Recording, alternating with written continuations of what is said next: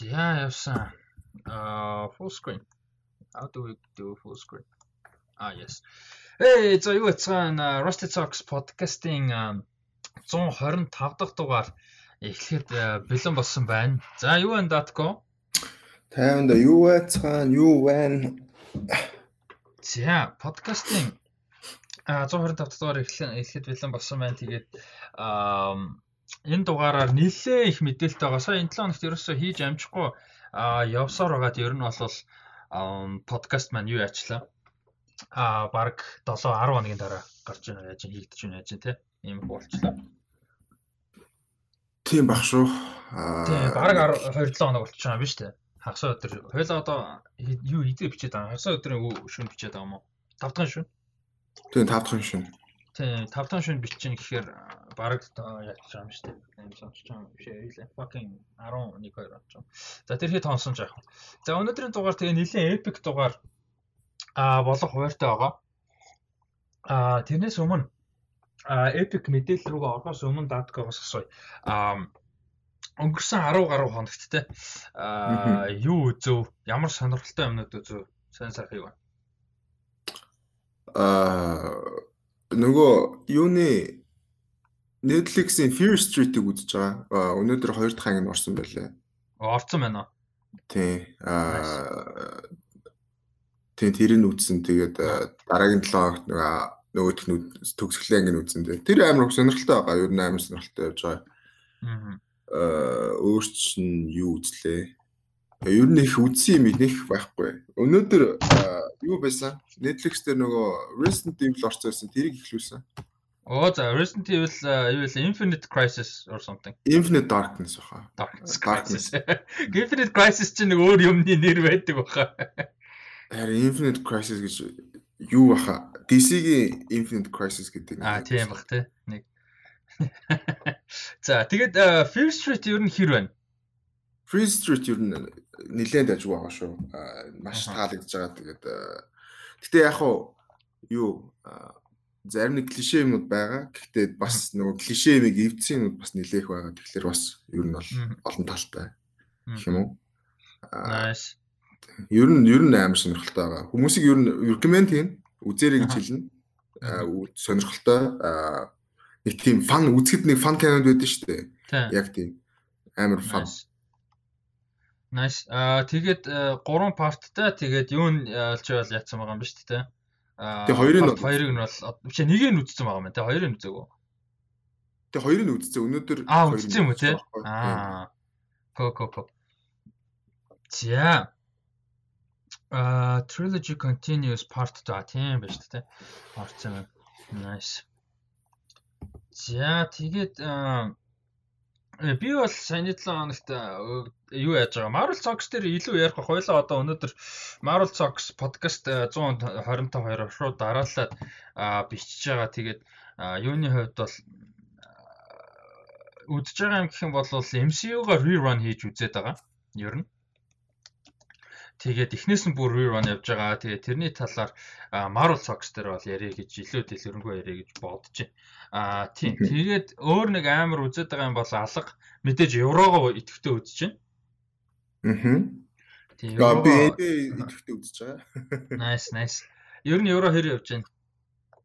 NBA юу? Аа NBA аа sure чи NBA үзэж байгаа юм тий? Тий. Аа гэхдээ яг хоо еврогийн финалыг үзнэ. Нэг нэг тийм Үгүй потенциалны шүн юм уу та тийм. Потенциалны өөрөөр өглөө биш өөрөөр өглөө 8 билүү 9 цагт Бразил Аргентин байгаа Копа Америка финал. А тэгэнгүүтээ оройн нь шүн 3-аас Европын орны финал. За зүгээр потенциал өдөр бол ална гэж байгаа шүү дээ. Харин тийм байна тий. А Копа Америка бол гэхдээ үзэхэд болж хэцүү байна. Тийм, Копа Америка үзэх арга жоохон олдохгүй байгаа даа. Тэгээ дээрэс нь цаг магны нэтер бас. Тэгээ зарим хүмүүсээс сонирхолж байгаа байх тийм.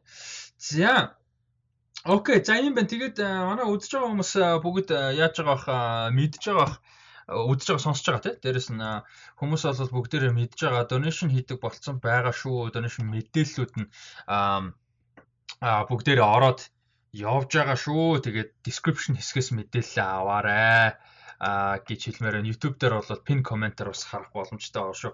За дээрэс нь мэдээж Instagram дээр @datgo гэдэг энд байж байна. А дагаар @datgo. За тэгээ намайг Rusty Ryan 7 гэдэг байгаа. За би энэ дэлгэц. Аа за. Тийм дагаарэ. За. Мэдээлэл рүү орох уу? За тий. За тэгээ өнөөдөр бас бас юу нэлээд ихтэй аа юу байгаа? Эпизод болж байгаа. Аа ярих мэдээлэл нь нэлээд ихтэй юм эпизод болж байгаа. Мэдээлэл ихтэй, трейлер ихтэй, аа бас мэдээж сонирхолтой асуултуудтай ийм аа дугаар бол болох нэ. За тэгээд юунаасаа эхлэе. Аа асуултаасаа мэдээж donation-тай асуултаасаа эхэлдэг. Аа Jamesoro эхлэе. За Болт Эрдэнэ асуулт байгаа. Болт Эрдэнэ Төмөн баяр энэ өнгөрсөн 7 хоногт асуусан тэгээд оруулж амжиг яг нөгөө рекординг бичээ дуусны дараа ирсэн асуулт байгаа. За гурван асуулт байгаа. За аа харин тийм шиг байна. Тий. За орцсон юм асуусан. Тийм бах. За эхний асуулт нь болохоор 7 сарын 8-нд Netflix-д гарах Resident Evil Infinite Darkness тухай юу гэж бодож байгаа үзэг төлөвлөгөөтэй байгаа. За энэ асуултанд угаасаа түрүүн Datko хэлсэн шүү дээ үзээд эхэлсэн байгаа гэсэн тийм. Өнөөдөр бол хоёр сэтгэлдээ хуваалцчээ. Аа Гэхдээ нэг ч амар хүлээлттэй байгаагүй л тээ. Аха. Гэтэ яг хуу нөгөө Resident Evil гэл зомби момби гэл зүгээр сонирхолтой санагдаад үзсэн. Тэгээд яг хуу дайггүй эхэлж ял сонирхолтой л үлээ. Аа тэгээд мэдээж нөгөө Leon гэдэг нөгөө нэг цагдаа байдаг Resident Evil 4-өөс хойш явж байгаа үлээ тээ. Тийг санагдаад нь. Тэгээд хамгийн алдартай дөрүүдийнх нэр нэг бах. Тэгээд Leon Alexander ч үлээ тийм хөө. Тийм тийм хүн шүү дээ. Тэгээд ер нь сонирхолтой шүү. Анимашны хувьд бол дайггүй санагдсан яг нь нөгөө 3D нэг анимашнуудын нэг тийм эвгүй юмнууд байдэн штэ. Тий. Тиймэрхүү асуудлууд бол байгаа гэхдээ тэрэнд бол амархан тасчих байх. Тэгээд угаасаа low budget нэг амар сүртэй production-ыг хүлээгээд авах шаардлага байхгүй байх. Тэгээд story-нд дэжгүй байх болж байгаа. Би эхний хоёр анги үзсэн болохоор одоохондоо нилээн суур тавьсан юмнууд л явж илээ. Яг том action руу ороогүй. Тэгээд хэдэн эпизодтай юу? А тэрийг сайн санахгүй нэг хэд байлаад. За дараагийн асуулт нь А би нэр уул нь үзье гэж бодчих тээ. Би чи ойртой үзэхгүй байгаа уул нь үзье гэж бол бодож. Аа за дараагийн асуулт нь болохоор амьдрал амьдралдаа үзэж байсан хайп болгох эсвэл амьдрал үзэж байсан хайп болгох эсвэл нэг тийм дурсамж үлдээсэн ямар аним байдаг вэ гэж. Амьдралдаа үзэж байсан хайп болгох эсвэл нэг тийм дурсамж үлдээсэн. Full Metal Alchemist Brotherhood юм болоо. Гэтэ яг амар клишэ байх. Аа гэтээ тэрнээс илүү гэх юм бол Gurren Lagann гэдэг юу байгаа. Тэгээд 20th Century Boys яг хөө гэтээ юуг нь бол уншиж үзэж байгаагүй. Анимег нь бол үзэж байгаагүй. Манга нь бол амар сэтгэл төрчихсэн амар сонирхолтой. Тэгээд тэр нь үргэлжлээд 21st Century Boys гэдэг цуврал нь байгаа. Тэрийг тэрийг ер нь бол юу юм байд юм шиг үлээ. Манга нь аниме нь байд юм шиг үлээ. Тэгээд хүмүүс үзүүл аим таалагдах байна. Би бол надаа зүгээр яг сэтгэгдэл нэг тийм гоё мэдрэмж үлдээд нь штэ нэг юу гэхээсээ илүү яг нэг кинон сайн муу одоо юу гэдэг янз бүр юм гэхээс л яг тийм гэх юм бол надаа аа айгу а гоё ингээд нэг тийм үдчихсэн experience сайн сандаг бас таалагддаг карт гэх юм бол юу Secret World of Variety, Variety гэдэг чинь. Variety надад амар таалагддаг. Ер нь амар хөөрхөн гоё гэж боддог. Тэгээ simple хитрхи амар epic юм биш simple human story тэгээд бас сонирхолтой шийдвүүдийг хөндөж чадсан. Уу ямар ч үед үзэхэд гоё. Нэг тийм сэтгэл санаа таарууд үзэхэд гоё. Сэтгэл санаа гоё үед үзэхэд гоё. Юм бодмоор юм үзвэл үзмээр байл үзсэн ч гоё. Зүгээр юм бодохгүй гоё анимашн хөөрхөн story үзмээр байл үзсэн ч гоё. Friendship үзэгээл болно. Бас гоё ингээд гэр бүлийн хайр үйл ингээд ямар ч талаас байж болохоор юм амар гоё гэж боддог. Right тэгээд. Тийм бүрийн хэмжээний гэх юм бол надад бол ялчгүй your name бол тийм байсан бүх талаараа ер нь бол аим таалагдсан. Би Your Name-ийг л тухайн үед нь л үзэх хэрэгтэй байсан шүү. Тэгээ айгүй удаж байгаа үзсэн чинь нэг тийм яг хүлээлт гэхээс илүү зүгээр л нэг тийм амар сүртэй ерөөсөө санагдаагүй. Харин тэгсэн юм шүү. Надад бол амар гоё байсан. Одоо ч үзээд амар гоё байна хаа. Үзег үзлээ. Урлал ялчгүй амар амар. За. Ам За дараагийнх энэ хүнээс сүүлчийн асуулт амьдрал дээр амьдрал үзэж байсан энэ амьдрал үзэж байсан амьдрал дээр бол үү амьдралдаа байл үү те. Тий амьдралдаа л. Амьдралдаа үзэж байсан хамгийн сэжигэн бас нэг тийм хачиргалтай сонин плот ямар кино. Тэр Predestination ч weird гэдэг үү. Тэр би үзэж байгаагүй шүү. Predestination weird гэхээс илүү зүгээр л fucked up нэг тийм. Аа тэгтээ нөгөө тэр fucked up юм жоохон predictable болохгүй нөгөө time time time travel болохоор аа за за гэдэг өнгөрөхөр. Түүнээс биш нэг тийм сонирхолтой шижгийн бол биш. Юу сэжгийн хачиргалтай сонин плот гэх юм бол splice байна. Яг өмнө ярьжсэн шүү дээ. Аа тэр нөгөө нэг юм scientistууд нэг амтан сонин амтан бүтээгээ тэр нь ингээд нэг юм humanoid те яг human биш сонин weird humanoid тэгэнгүүтээ хүүс мүсээ өөрөө сольж мэлдэг. Тэгснэ тэрнтэйгээ секстэй мэкстэй. Like хүүс яаж ч 9 онд гасла би тэрийг яаж ч тухайн үед нь үзсэн аахгүй. Like 9 онд би тэрийг үзээ бүр what the fuck юу вэ би юу үзээд байгаа бэ гэж бодсон. Аа чи нөгөө хинтээ киног санаж байна уу? Аа Джеймс Макэвойт нэг транс гэдэг А Transit тийм хин штэ нөгөө нэг Джеймс Макэвой тийм манай нөгөө оо shit хин гэдэг үлээ. Rosario Dawson тэр тоглолт. Аа Rosario Dawson тийм. Тэр надад анх үзэж байхад амар weird байсан. Яа тийм сонин байсан. Тэгээд нөгөө хойл хамт үзтэй. Шижгийн чим шиггүй шижгийн бишээ бас амар тийм сонин гэх юм бол нөгөө Джеймс Макэвойт тэр чинь ямар нэртэй вэ? Нөгөө Phil Phil тийм Phil амар сонин. Тэр гоё шүү дээ. Яста Phil заван кино да. Харин амар сонин. Шижгийн гэхлээр одоо бодвол тэгэл нөгөө юу мул орох бах та тий нөгөө human centipede үү тийм үү тийм тийм хөл юм.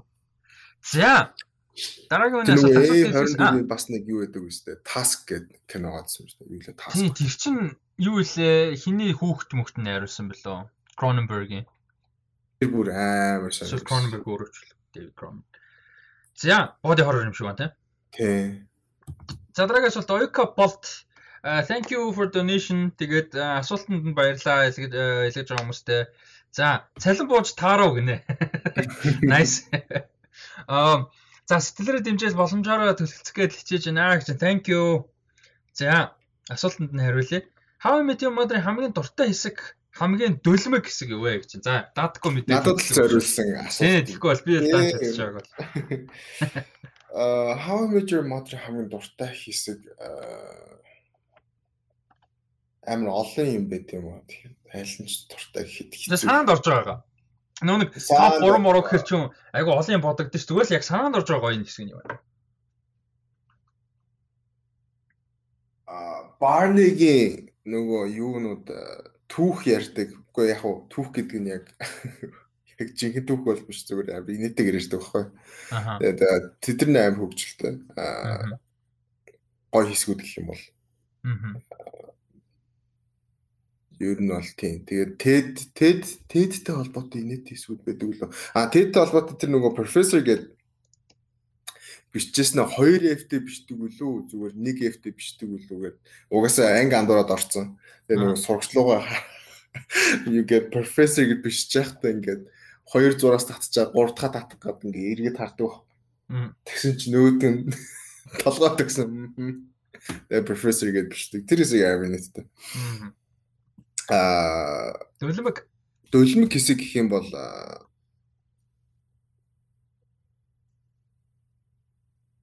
хинтээ хэсгүүд тэр чи хин гэдэг үлээ.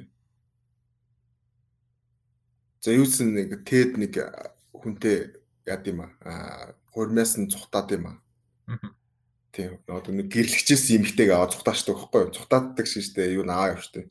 Тэгээд за тэр хэсгүүд ер нь сүүлийн сизон яг сүүлийн хоёр сизон нэг тиймэрхүү ядаргаатай элементүүд амар хэцүү байсан нэг тийм удаан. Бас яг тэрний дараа бас нэг юм галзуу хүнтэй үргэлжлэх байхгүй. Тэгээ тэр нь бас амар ядаргаа. Тэр л амар дөлмөг гэх юм уу да. За хоёр дахь асуулт нь. За энэ зураг тоглолтог Робин Марвел тоглолтог тийм үү мөн? Colby Smulders Maria Hill-ийн төр тоглолтог юм анх үзээд би андуур гэлээ. За анх үзээд шууд толгоонд буусан сэтгэл санааны байдлаа тоочно гэнэ.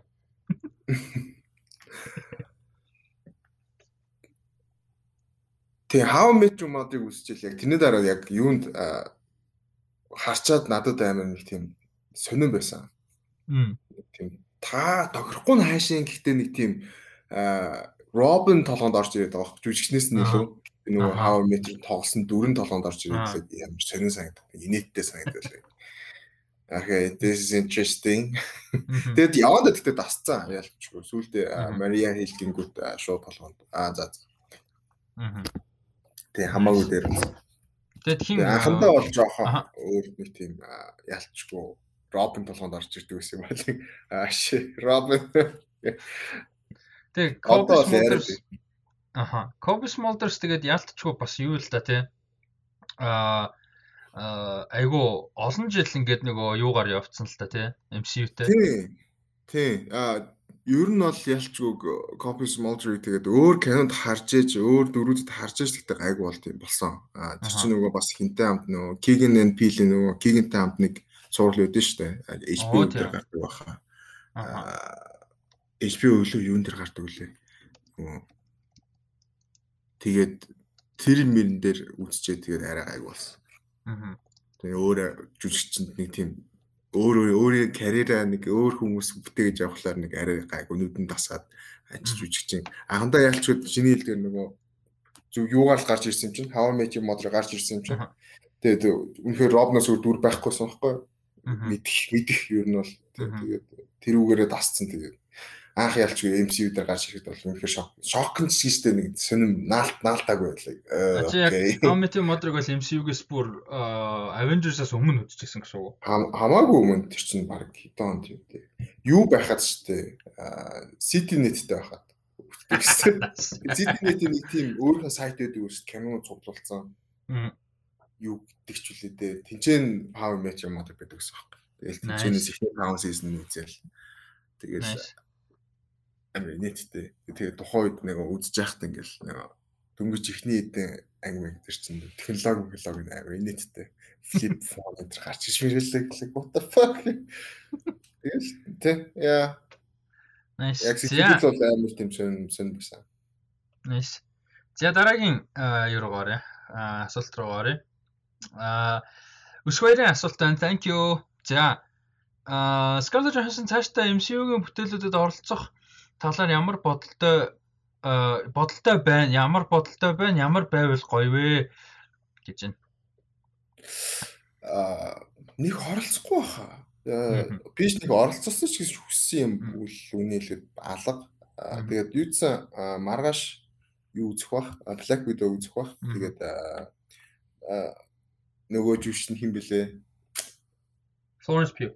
А Florence Pugh. А Florence Pugh цаашаага илүү яг тэр дүрийг авч явах байх. Тэгэхээр нэг тийм оролт тэр дүрийн хөгжүүлэлт тэгэл яг тэрэн дээр л илүү анхаарах байл үү дээ. Тийм Florence Pugh ч юун дээр гарах юм бэл шүү дээ. Hawkeye дээр. Тийм бах. Тэгээд одоо тэг what if дээр бас гарах байх. Тэгэхээр нэг оролцоо нь бол ер нь бол одоо дууссан гэх юм уу. Бол нэг оролцоонд байх шаардлага байхгүй хаа. Аха. Тийм what if тэр гэсэн яг оролцоо гэх юм бол мэдээж character нь бол одоо энэгээр дуусч байгаа гэхдээ а одоо энэ what if рхүү юм хэрвээ цаашдаа MCU хийх юм бол бас гоё тэгээд өөрөө дуу оруулах юм бол Тийм тийм хүн байх юм бол болж байгаа байхгүй а түүнээс биш яг хаа cameo хийн гэхлээр сонирм болчих واخ тэгээд тийм шаардлага юу байлгаа юм шиг нэг бол за sorry А юу зөв Hawkeye Clint Barton Natasha хоёрын ийм мини series байл animation Гэтэ одоо энэ What If-ийн animation-аас жоохон өөр илүү жоохон гоё юм уу. Тэр What If-ийн animation-ийн талаар Marvel Zombies дээр ярих багт те. Тэр жаа надад жоохон жоохон сонирхолтой санагдав. Тэгээд нэг тийм сонирхолтой фон гоё animation одоо Invincible шиг ч юм уу те. Яг гоо тэгтээ Gorte гэж байгаа юм биш үү. Animation style нь Тиймэрхүү ч юм уу байдлаар эсвэл DC-ийн анимашнуудыг нэг тийм илүү гоё simple байдалтай зурагтай тэгэнгүүтээ магадгүй тэр хоёрын Spy Days те early Spy Days те тэр нөгөө анх одоо урвсан тэг KGB-гээс шилд рүү урвсан ч юм.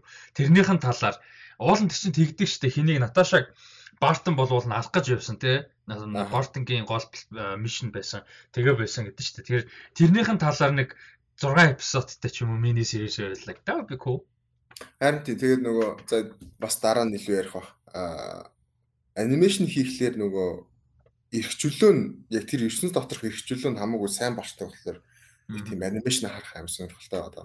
Тэр чинь ямарч павераар тэгэл ямарч юугаар одоо яаж харуулж болно гэх юм уу. Тий. Илүү илүү crazy stunt хийж болж байгаа болохоор тэр талаас илүү. Тэгээд хэн бол Scarlett Johansson бол дуу оруулдаг амар сайн experienceтэй шүү дээ. Аа. Нилээд ингэ нандер байгаа тэгэхээр бас гоё л хальтаа. Гэтэ яг одоо эргээд харахад жоохон харамсалтай л юм да хин Scarlett Johansson өөрөөсөө яг би дасан франчайзтай болж чадаагүй Original Avengers-ийн нэг тэгэл жоохон тиймэрхүү тий. Харин тэгээ бүр дуусныхын дараа өөрт нь нэг кино гарсан гэсэн л та ер нь бол. За. Аа асуулт хэлсэн Oxford баярлалаа. Амжилт ахнараа гэсэн байна баярлалаа. Хаадагаа хүмүүс ойлгох хаа. Би яг нэг зогсоо цаггүй ингээд мухаад байгаа. Аа. Нөгөө хашил хөдлөөд жоохон хэцүү байгаад наа. Нөгөө өчтөр жоохон тоосон тавигдсан чинь хамар битүү өнүүд захнаад амирлаад. За. Э дараагийн э, трейлер. За эхний трейлер байгаа. За эхнийх нь бол Исланд уран бүтээл байгаа. А ерөнхийдөө айгүй олон улсын production хамтарч ажилласан. За ерөнхийдөө бол Исланд уран бүтээлчдийн хийсэн кино.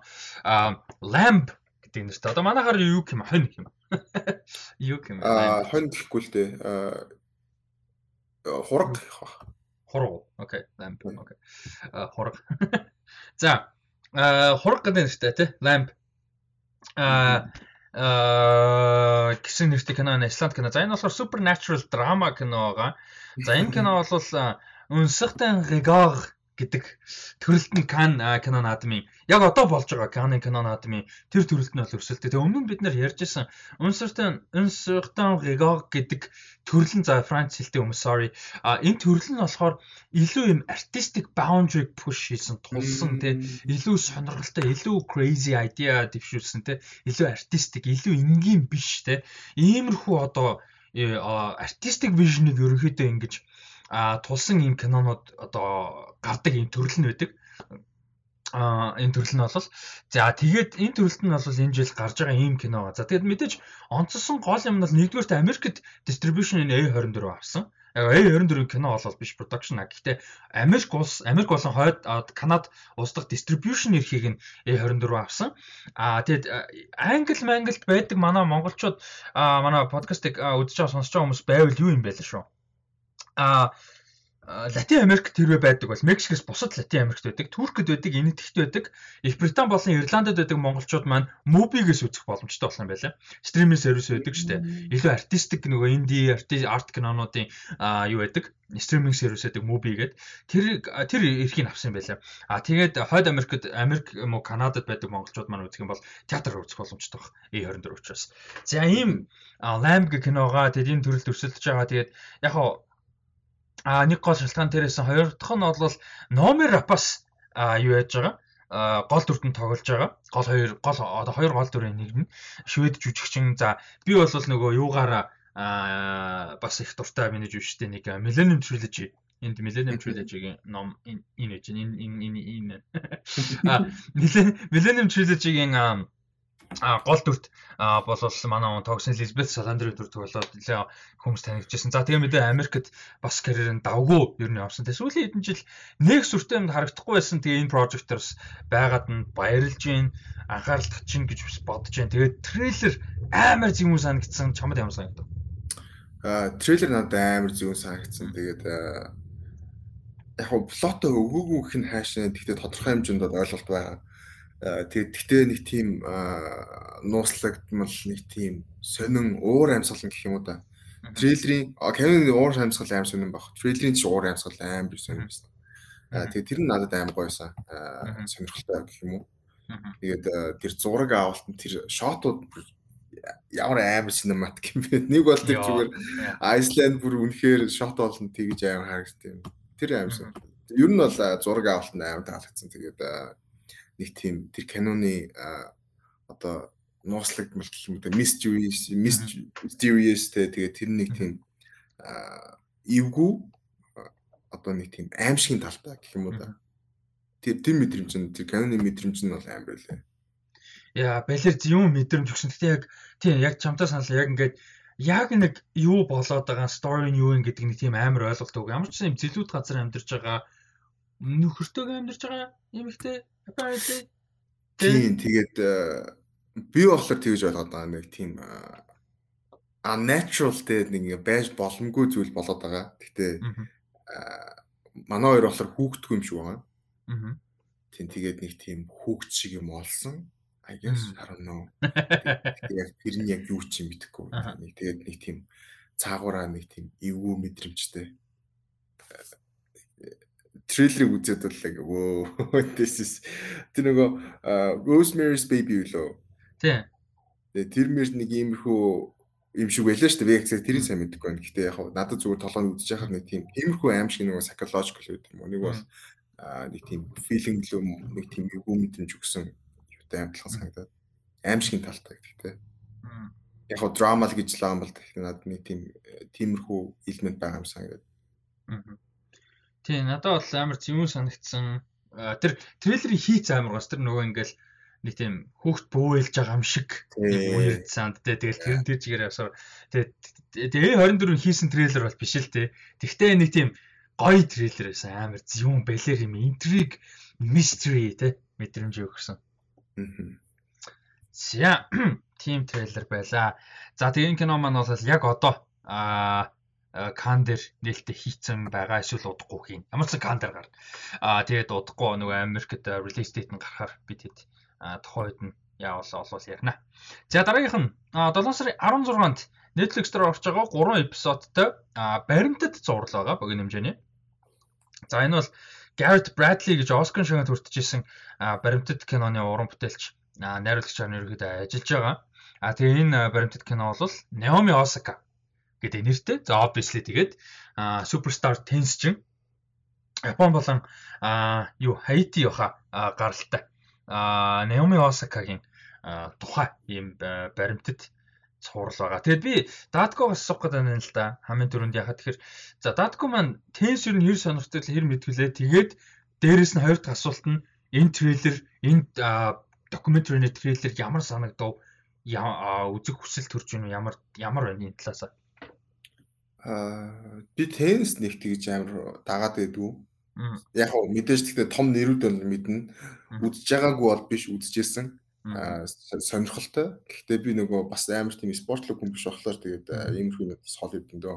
Ихэнхдээ тэгэл одоо хөл бөмбөлүүд дөнгөж орж эхэлж байна. Орж эхэлж гэсэн орсон. Тэгээд сакс яг хөө үзэн гэхдээ бас тогтмол бол биш шүү дээ. Теннис бол бүр үнэхээр нэг тийм хаяадаал жилдээ баг нэг үзүүлэлтэй. Гэхдээ яг нөгөө мэдээж э, спортын том том одоо мэдээллүүдийг дагаад явахын үед бол дагаа явж байгаа. Тэгээд Наоми Осака нэг яг үний хэлэхэд бол миний хувьд болохоор нэг яалчгүй нэг overnight нэг тийм од гараад ирсэн санагдаад байхгүй. Гинт байсан чинь гинт Наоми Осака. Тэрнээс өмнө чинь тэгэл нөгөө юу хин нөгөө хоёр ихчдээс ч Serena Venus. Аа тий тий Serena. Serena-гийн талаар л илүү их угаасаа God нь гэл тиймэрхэн байгаа шүү дээ. Тэгэл Naomi Osaka ялаал тэгээд тэнчэнээс бас тэгтэн нэлээд их controversy бас гарсан шүү дээ нөгөө. Тий тий Serena тэнхтэй. Тий тий Serena тэнхтэй. Тэр нөгөө тэр мэргээл тэгээд яг тэрнээс хойш Naomi Osaka гэдэг хүн байд юм байна. Юу ч амар мундаг юм байна гэдэг тэгээ тэрнээс хойшоо илүү politically active зүйлүүдэнд хараал socially active тий. Тэгээ socially active тэгээ бас politically бас юм дугаал тэр нь амар таалагдаад таалагддаг гэх юм уу да. Тэгээ сүүлд нөгөө бас хоёлоо ярьж илүү бас нэг бол подкастер ярьлуу санахгүй. Гэхдээ бас спорт спортын хүн сэтгэл сайн байдал ямар байдгүй. Тий сэтгэл зүйн эрүүл мэнд тий тий сэтгэл зүйн тэгээд нөгөө нэг Open French Open болоо. Юу лээ? US Open болоо. Аа French Open. French Open-аар болж байгаа боллоо энэ тэгээд. Аа. Тэгжсэн тэгэл тиймэрхүү сторилайнуудыг нь бол дагж байгаа. Тэгээд тодорхой хэмжээнд. Тэгээд трейлерийн хувьд бол надад бол амар таалагдсан. Тэгээд нөгөө иймэрхүү мэдээлэл хагас сугас мэдээ явж байгаа шүү дээ. Тэгэхээр яг уу илүү докюментари гаргахлаар яг энэ хүн ямар хүн яаж одоо дэлхийн хэмжээнд гартал яг дэлхийн хэмжээнд яаж гарсан гэдэг ч юм уу. Тэгээд тэр мөр амар сонирхолтой харагдчихлаа. Трейлерийн үед бол яалчгүй гэхдээ амар crisp амар тийм гоё харагдчихлаа. Яг спортын талаас нь өөрийнх нь хувийн талаас нь тэгэл тэнцээ оролцоод байгаа хүн хүний одоо өнцгөөс одоо ээж нь гарч байгаа аав нь гарч байгаа. Тэгээд ээж нь нилээ нөгөө Япон хүн болохоор бас нилээ юу юм шиг байгаа.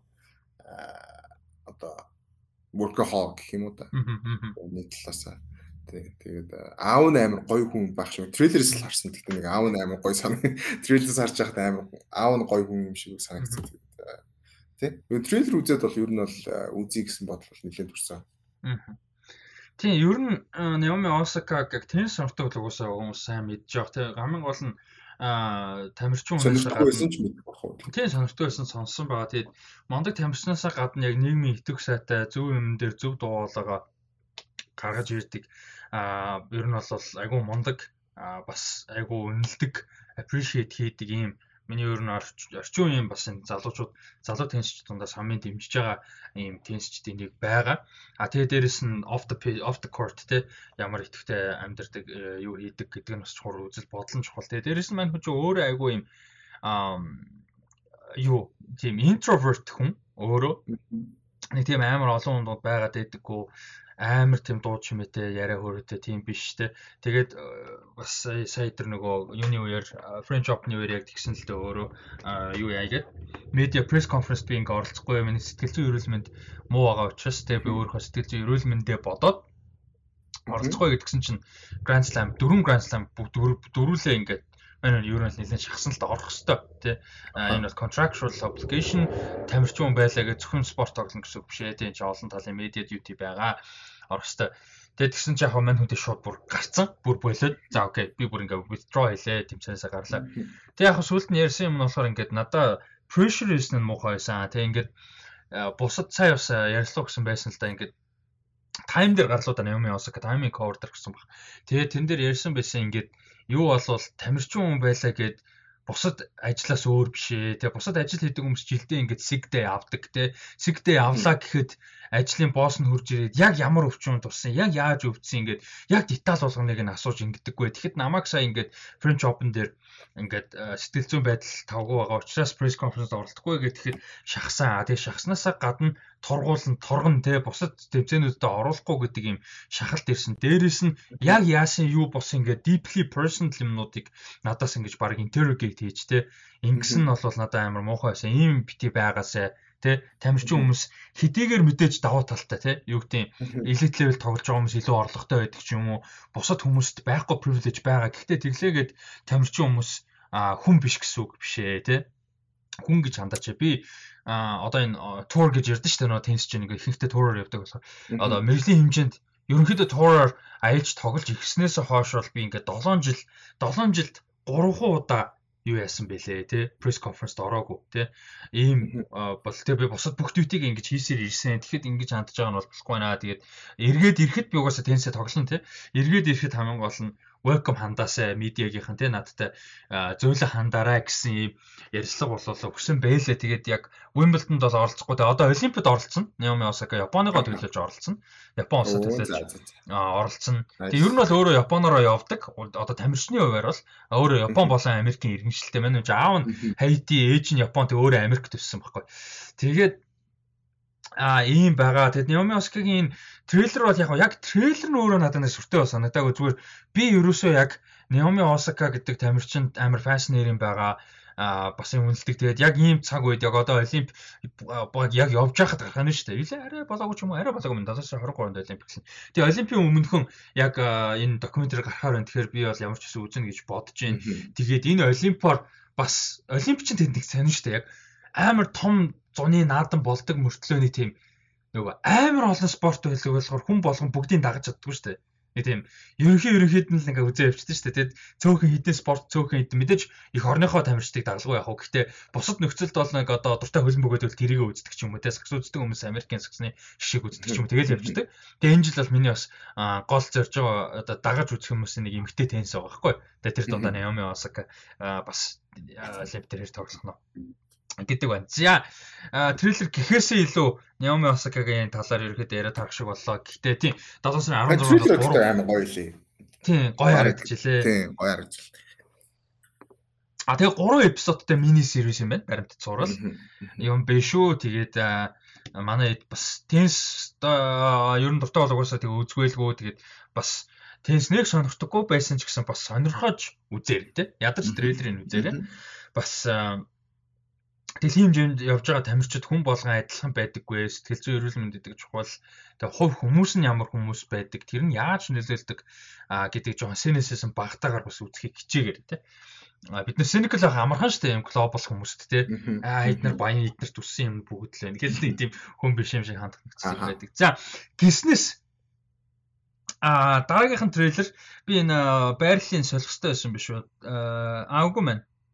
За за юу ячи кино театрын релиз дейтер ярьчих. Би гиснес гэдэг юуга хадгаллаа. Юу гэдэг лээ. Switch. Segway гэдэг бол шилжилт те. Тэрийг хадгалахаар шийдлээ. Тэгээд трейлерын байрын солилоо. За амар гоё юм харчаа яг гиснес гэх юм гоё таарч. Тий, гиснес байдаг хүмүүс од хүмүүс гиснес Val Kilmer гэж үжигч юм аа тий. Аа за Val Kilmer бол мэдээж суперстар жүжигчин Batman-ы дүр тоглож байла Bruce Wayne тий. Аа Top Gun тоглож исэн. За тэгээ Heat байна мэдээж classic movie тий. Heat Heat байна. За гих мэт маш олон кинонууд байдаг. Угаасаа бүгд мэдчихэе. За тэгээ харин Val Kilmer-ыг ер нь сүүлийн баг 20 жил ерөнхийдөө хаалга болцсон таг болсныг нь мэдж байгаа бох бас тий ерөнхийдөө нэлээд харагдах байлаа удаж байгаа. 80 90-ад онд супер од байсан а тэгээд мань хүний хувьд бол карьер нэгдүгürt ер нь жоохон таархан болчоод байсан кис кис бам бангаас ерөнхийдөө хоошоо а тэгээд карьер нь жоохон а одоо зогссон ч юм уудснаас гадна бие эрүүл мэнд нэлээд муудсан 2015 онд бол нэлээд би энэ хүндрээд эмнэлэг твтэй тэгээ тэрнээс хойш бол тест өгөөд юу болж таарсан хор тавдар хоолойны хор тавдартай болж таарсан. А тэгээ тэрнээс хойш бол одоо хүртэл эмчилгээ хийж байгаа. Одоо хүртэл бүтэн recovery хийгээгүй байгаа. Ер нь бол одоо хүртэл эмчилгээ нь хийгдэж байгаа. Одоо хүртэл дуусаагүй байгаа юм байгаа. Тэгэд яг хуу 4 жил за ингэсэн байна. 4 жил бол cancer free байгаа гэж хэлсэн юм байна. Уул нь бол одоо 20 онд. А гэхдээ бүрэн одоо recovery хийгээгүй. Cancer нь бол байхгүй. Хор тавдар нь байхгүй. Гэхдээ бүтэн recovery одоо жишээ нь ингээд Э, зүгээр идэж чадхаа болсон зүгээр ярьж чадхаа болсон ингээд юугаар тюб юм хоолоогоор ингэж нөгөө хоолоор руугаа хоол хийдэг идэж чадхаа болсон. Тэгээ юм ярьж таалцсан юм харамсалтай байдалд бол орцсон байгаа. Тэгээд мань хүний талаар бол ийм баримтат кино бол гарч байгаа Val гэдэг. За тэгээ энэний гоё юм нь надад бодогдсон гоё юм нь юу юм бэхээр яг одоо энэ уран бүтээлчийн талаар докюментари мэдээж зөндөө байдаг те. Мундаг хүмүүсийн талаар зөндөө байна одоо гоё хийцтэй байна суул хийцтэй энэ төр янз бүр.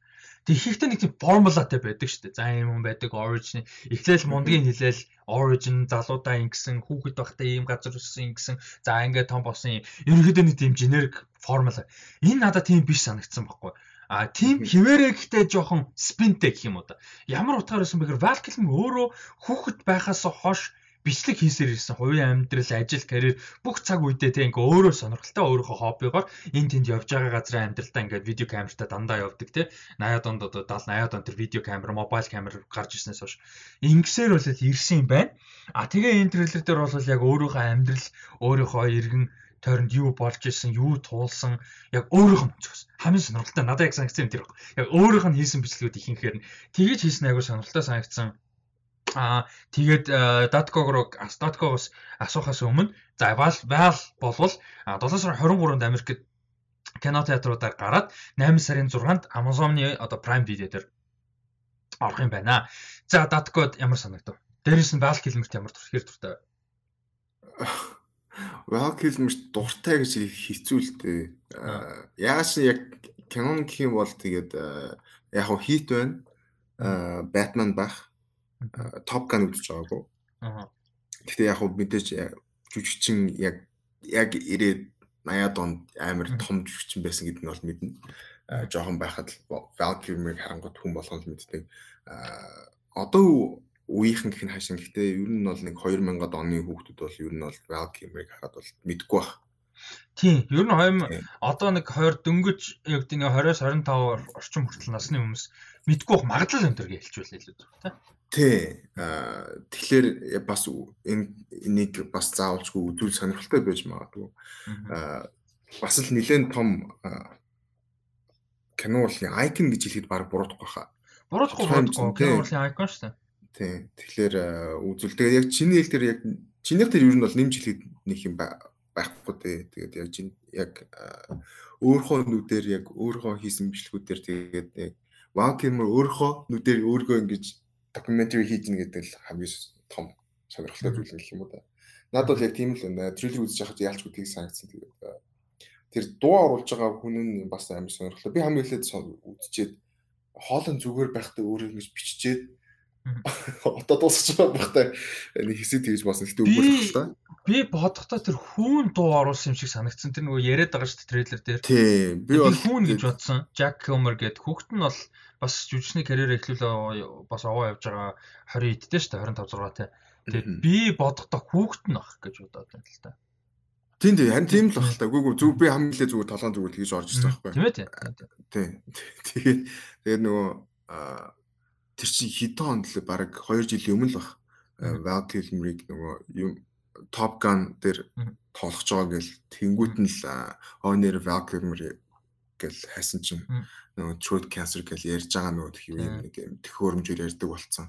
Тэгээ бараг л ярьж ойлгохдохооргүй болцсон. Тэгээ бид тэрийг хараа бүр аим шоконд орслоо. Holy shit. What happened вэ? Тэгээд тэрний талаарч хоёлоо бараг подкастн дээр ярьжсэн байна. Тухайн үед нь бараг 2000 тэг чи 18 оноос хоёлоо подкаст ихэлсэн гэхээр ер нь бол магадгүй шүү. Тийм яг тухайн үед нь ярьжсэн санагдаад тэгээд тийм тэгээд энэ трейлерс амар сонирхолтой харагдж илээ. Би бол энийг бол заавалжгүй үзнэ гэсэн листэнд бол ер нь бол оруулах баг. Оруулна гэж бодож байна. Тэгээд тийм. Гэтэ яг хуу Amazon байхгүй болохоор баг татаж л үзэх байх. Тийм баг. Би бол Amazon-оор үзчихнэ.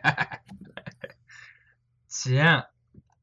Аа тэг Val Kilmer бол гоё жүжигчин тэгээд бас аа суперстар байсан 80-аад онд тэгээд зөвхөн тэр нэг тийм амар сайд юмнасаа гадна зүгээр бас ер нь од байхдаа ямар юм хандж исэн яаж хандж исэн тэр одоо тухайн үед олж исэн мөнгө юм нь хүртэл өөрт нь ямар утга учиртай байсан а яаж зарцуулж тэ ямар амьдарч исэн гэдг нь бас гарахаар юм шиг харагдсан трейлерээс харж байхад Тэгээ тэр бас сонирхолтой байх болов гэж бодож байна. За ам Val Val-ийн хувьд бол юм байна. 7 сарын 7-нд сая юу яасан юм байна? Кан дээр нээлттэй бол хийцсэн юм байна. Юу Val-ийн хувьд бол тийм. За а хоёр баримтат кино дараалаад ярьлаа. За дараагийнх нь болохоор бүрийн хэмжээний кино байгаа 8 сарын 3-нд Netflix дээр орох акшн триллер кино байгаа.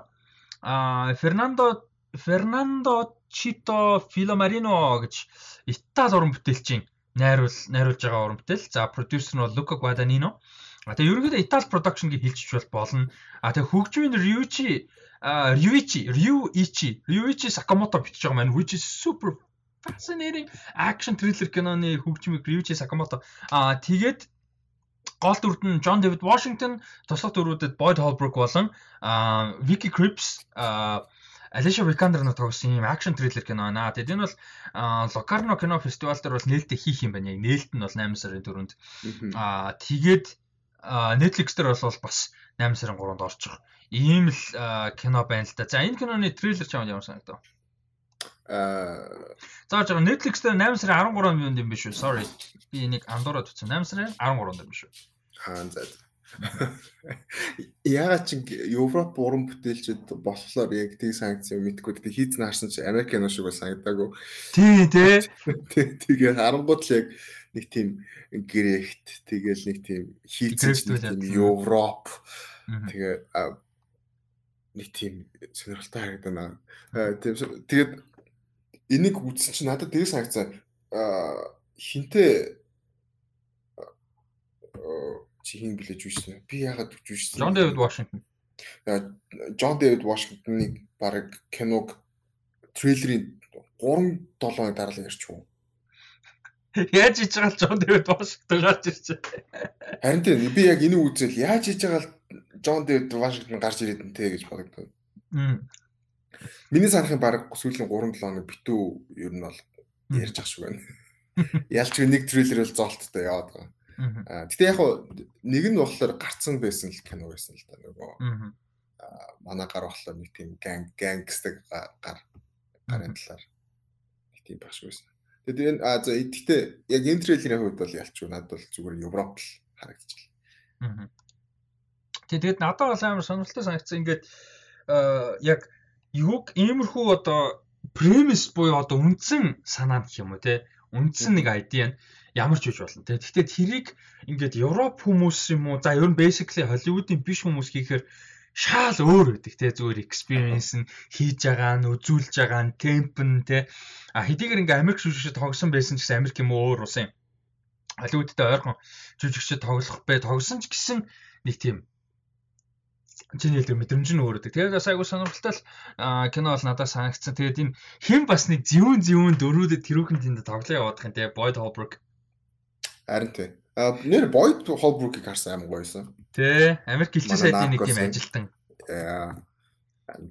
Тэгээд нөгөө хиний энтэй хамт нөгөө өнөөдөр бүр үнэхээр толгой ажиллахгүй байх шиг байна. Sorry. А Fugitive гэх кино үүдэн штэ. Тий, тий.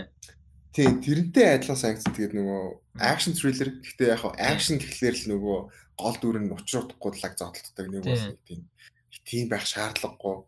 Аа яг трейлерс харж байхад бол яалчгүй Джон Дэвид Вашингтон болохоор ингээд нэг тийм юу болоод байгааг ойлгохгүй. Тэгээ зүгээр л энгийн хүн аа тэгээд survive хийх гэж явж байгаа. Тэр нь аим сонирхолтой. Тэгэхгүйс тэгээ сүүлийн хэд нэг тийм action thriller гэхэлэр нэг action дэндүү өндөр болцсон гэх юм уу тийм санагдаад идэв үсэн. Тэгээд энэ бол харахад бол гайхаж. Тэгээд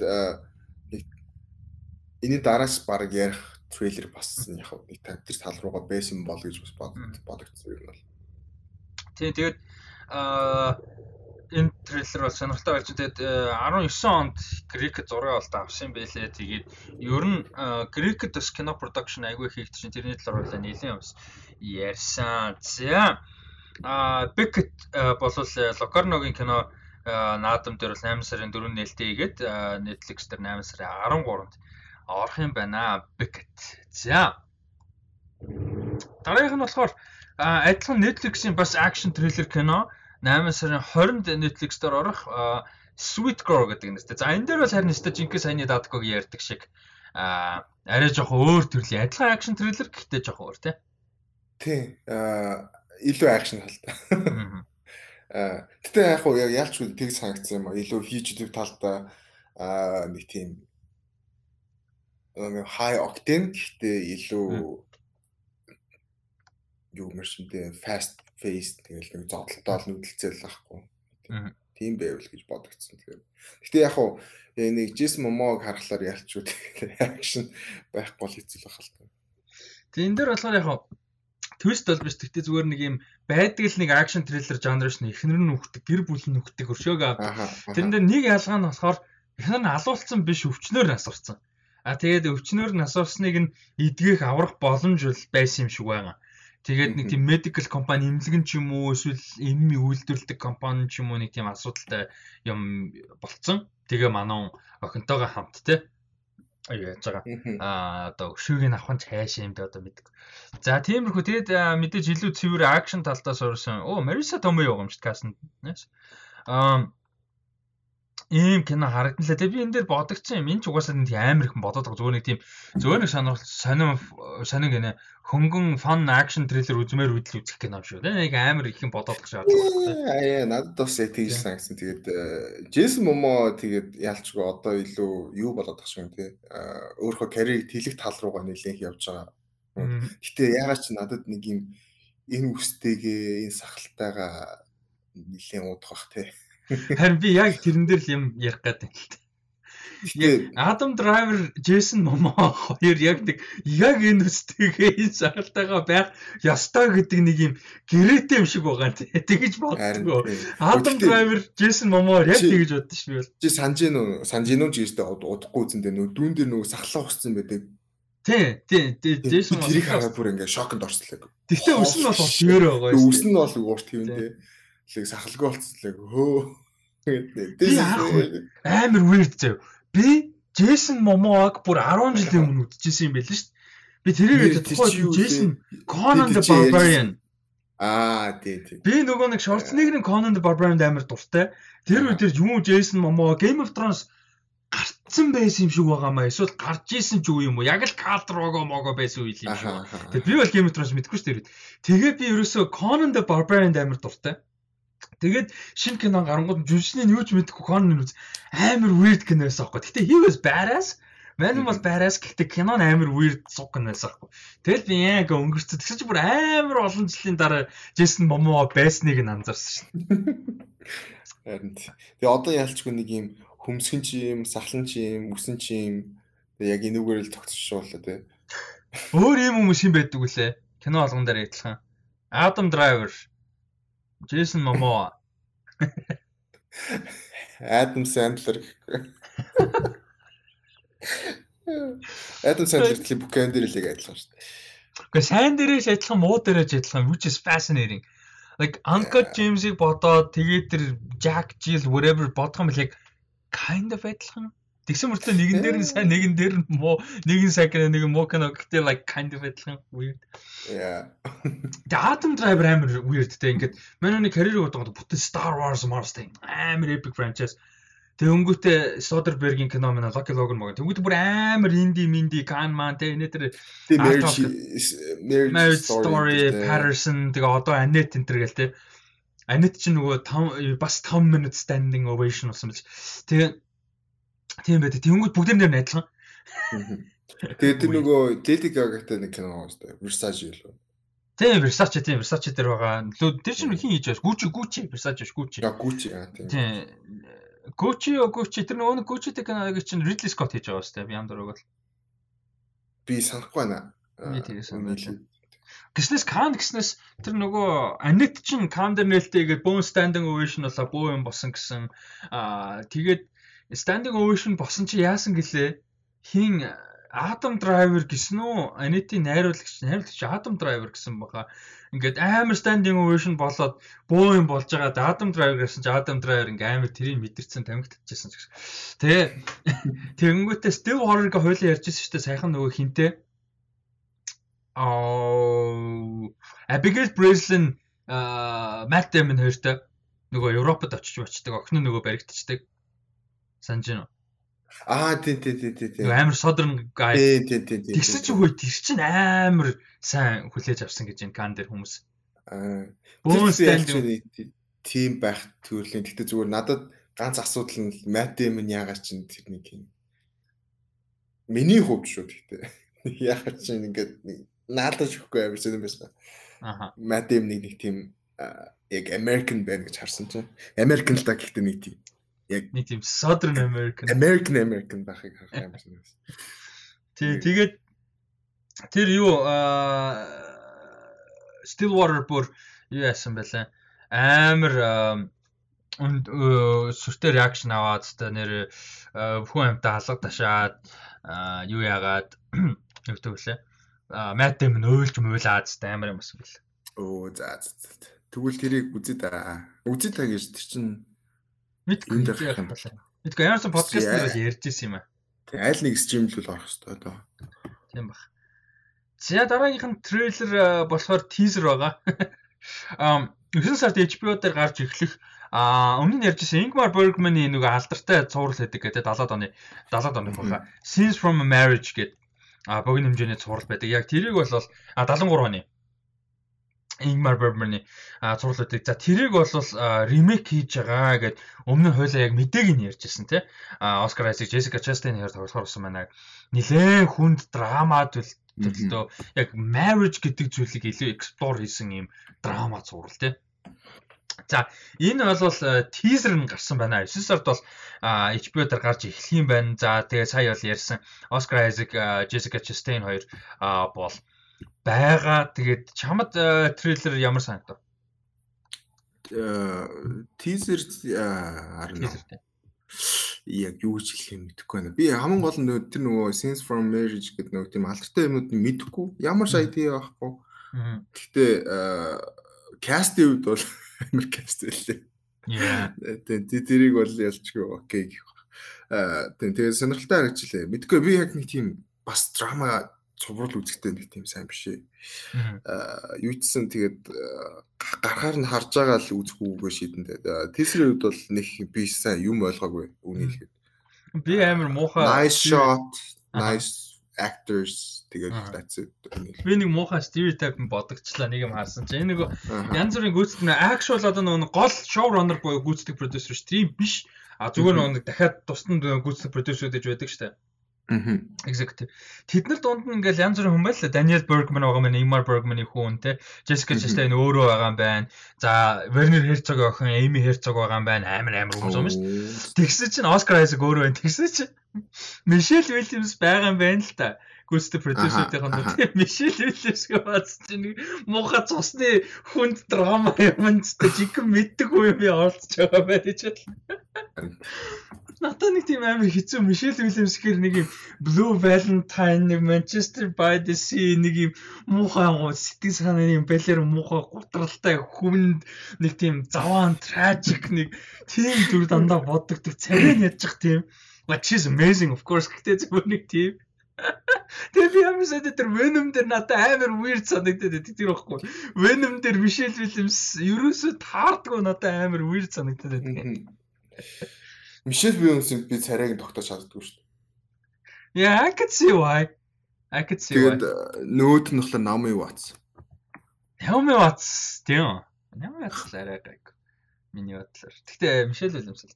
За тэгээ энэ бол надад амар зөвүүн харагцсан. Зүгээр ингээд яг marriage гэдэг зүйлийг яг ямар талаас explore хийж болох уу?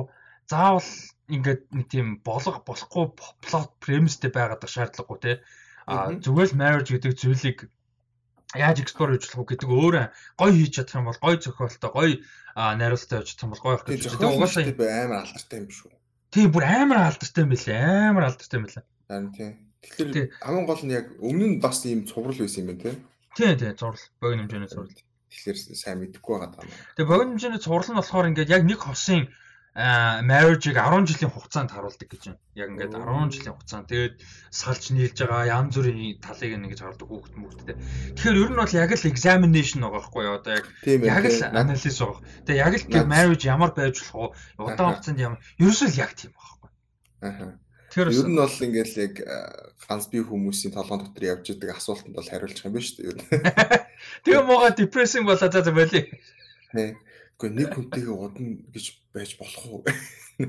Бүтэх болох. Бүхэл бүтэн Оскар Айзек, Джессика Честен шиг царайлаг мундаг хүмүүс байж болж гинүү үгүй юу? Гэтэ яаж ч уудсан би тэгж бодож байдаг байхгүй. Бүх насныхаа дуушд нэг хүнтэй байна гэдэг амар тийм impossible байх юм шиг санагдаад байгаа байхгүй. Тэгэхээр нөгөө хүнийхээ хүйдсэн тийм их мэдрэмж байгаа шүү дээ. Тэгэхээр зүгээр нэг тийм бүх юм дээр л open байх хэрэгтэй юм шиг одоо тодорхой хэмжээний нэг тийм одоо өөдөө тэрлээ гэхэд бас яг одоо тэрэн дээрээ хамт ажилладаг ч юм уу те. Нэг тиймэрхүү open талдаа. Тийм байхгүй бол Jerry хоёр шиг багш тийм тэгэхгүй бол болох болчиход байгаа байхгүй. Би тэгээд яг амар тийм impossible санагдаад нэг хүнтэйгээ амар олон удаа анжил яг хүүхд мөхтөд олчлоо өөр олчлоо хэл та яа ер нь fascinating сонирхолтой сэдвэлтэй. Тэгээд дээрэс нь аа яг бодит амьдрал дээр ингээд харахад одоо бидний үеийнхэн те бидний үеийнхнээс яг модерн цаг үе зөвхөн бидний гэлдэг модерн цаг үеийг харж байгаа тэр бас нэлээд тийм юу сонирхолтой сэдв болчиход байна л та. Тэгээд дээрэс нь одоо би өмнө нэг хүнтэй ярьжсэн л да. Divorce салалт гэдэг зүйл автоматар негатив коннотейшнтэй байха болох хэрэгтэй байна. Эхлээд тэр амар чухал байгаа гэж би бас нэг ярьж байла. Тийм. Тэгээд нэг одоо ингээд салтын хувь амар ихгүй ангилалтай ингээл. Энд чи яг ингээд divorce гэдэг зүйл эсвэл э, relationship сална гэдэг заавал заавал негатив бас биш байхгүй юу? Ер нь бол. Аа. Тэгээд за яг хаа салж болж байгаа. Гэхдээ бас анханасаа яг гэрлэх гэдэг бас өөр сонин концепт байгаа даа. Ер яг лигэл юмнууд байгаа. Тэрийг статус юм. Тийм.